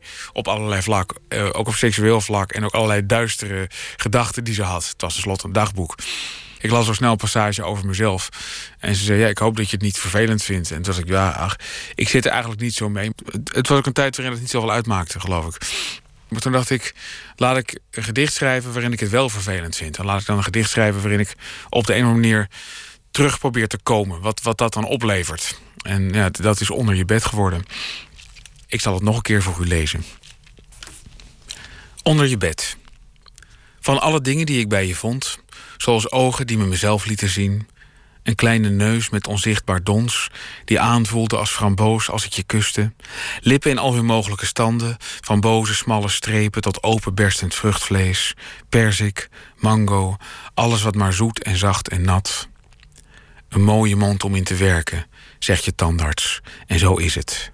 Borsten, benen, billen en de rest, zie hooglied. Van dit alles, het was alles onze wereld, er was alles, alles soms, vond ik het boekje onder je bed, dat met de blauwe haren kaft, alsof het koekjesmonster uit Sesamstraat voor fabrikage was geslacht, het meest intiem. Vooral de passage die begint met: Je ligt op me als een vatsige pad. Je schaamde je toen ik het las. Je dacht, nu denkt hij God weet wat. Je kent de inktvraat in mijn hoofd. En inderdaad, vandaag schrijf ik een monster zonder weerga uit de diepste van de aarde. Groot, vies, slijmerig en zwaar, met heel veel tanden. Het schuift onstuitbaar nader door de nacht. Oh, het is je vader niet. Het heeft een weerhaak als geslacht en tikt ermee over de grond. Hoor je dat? Het zoekt je minstens te verslinden. Hoor je, hoor je dat? Het hijgt al, zacht onder je bed. Het kwijlt. Het heeft een blauwe vacht.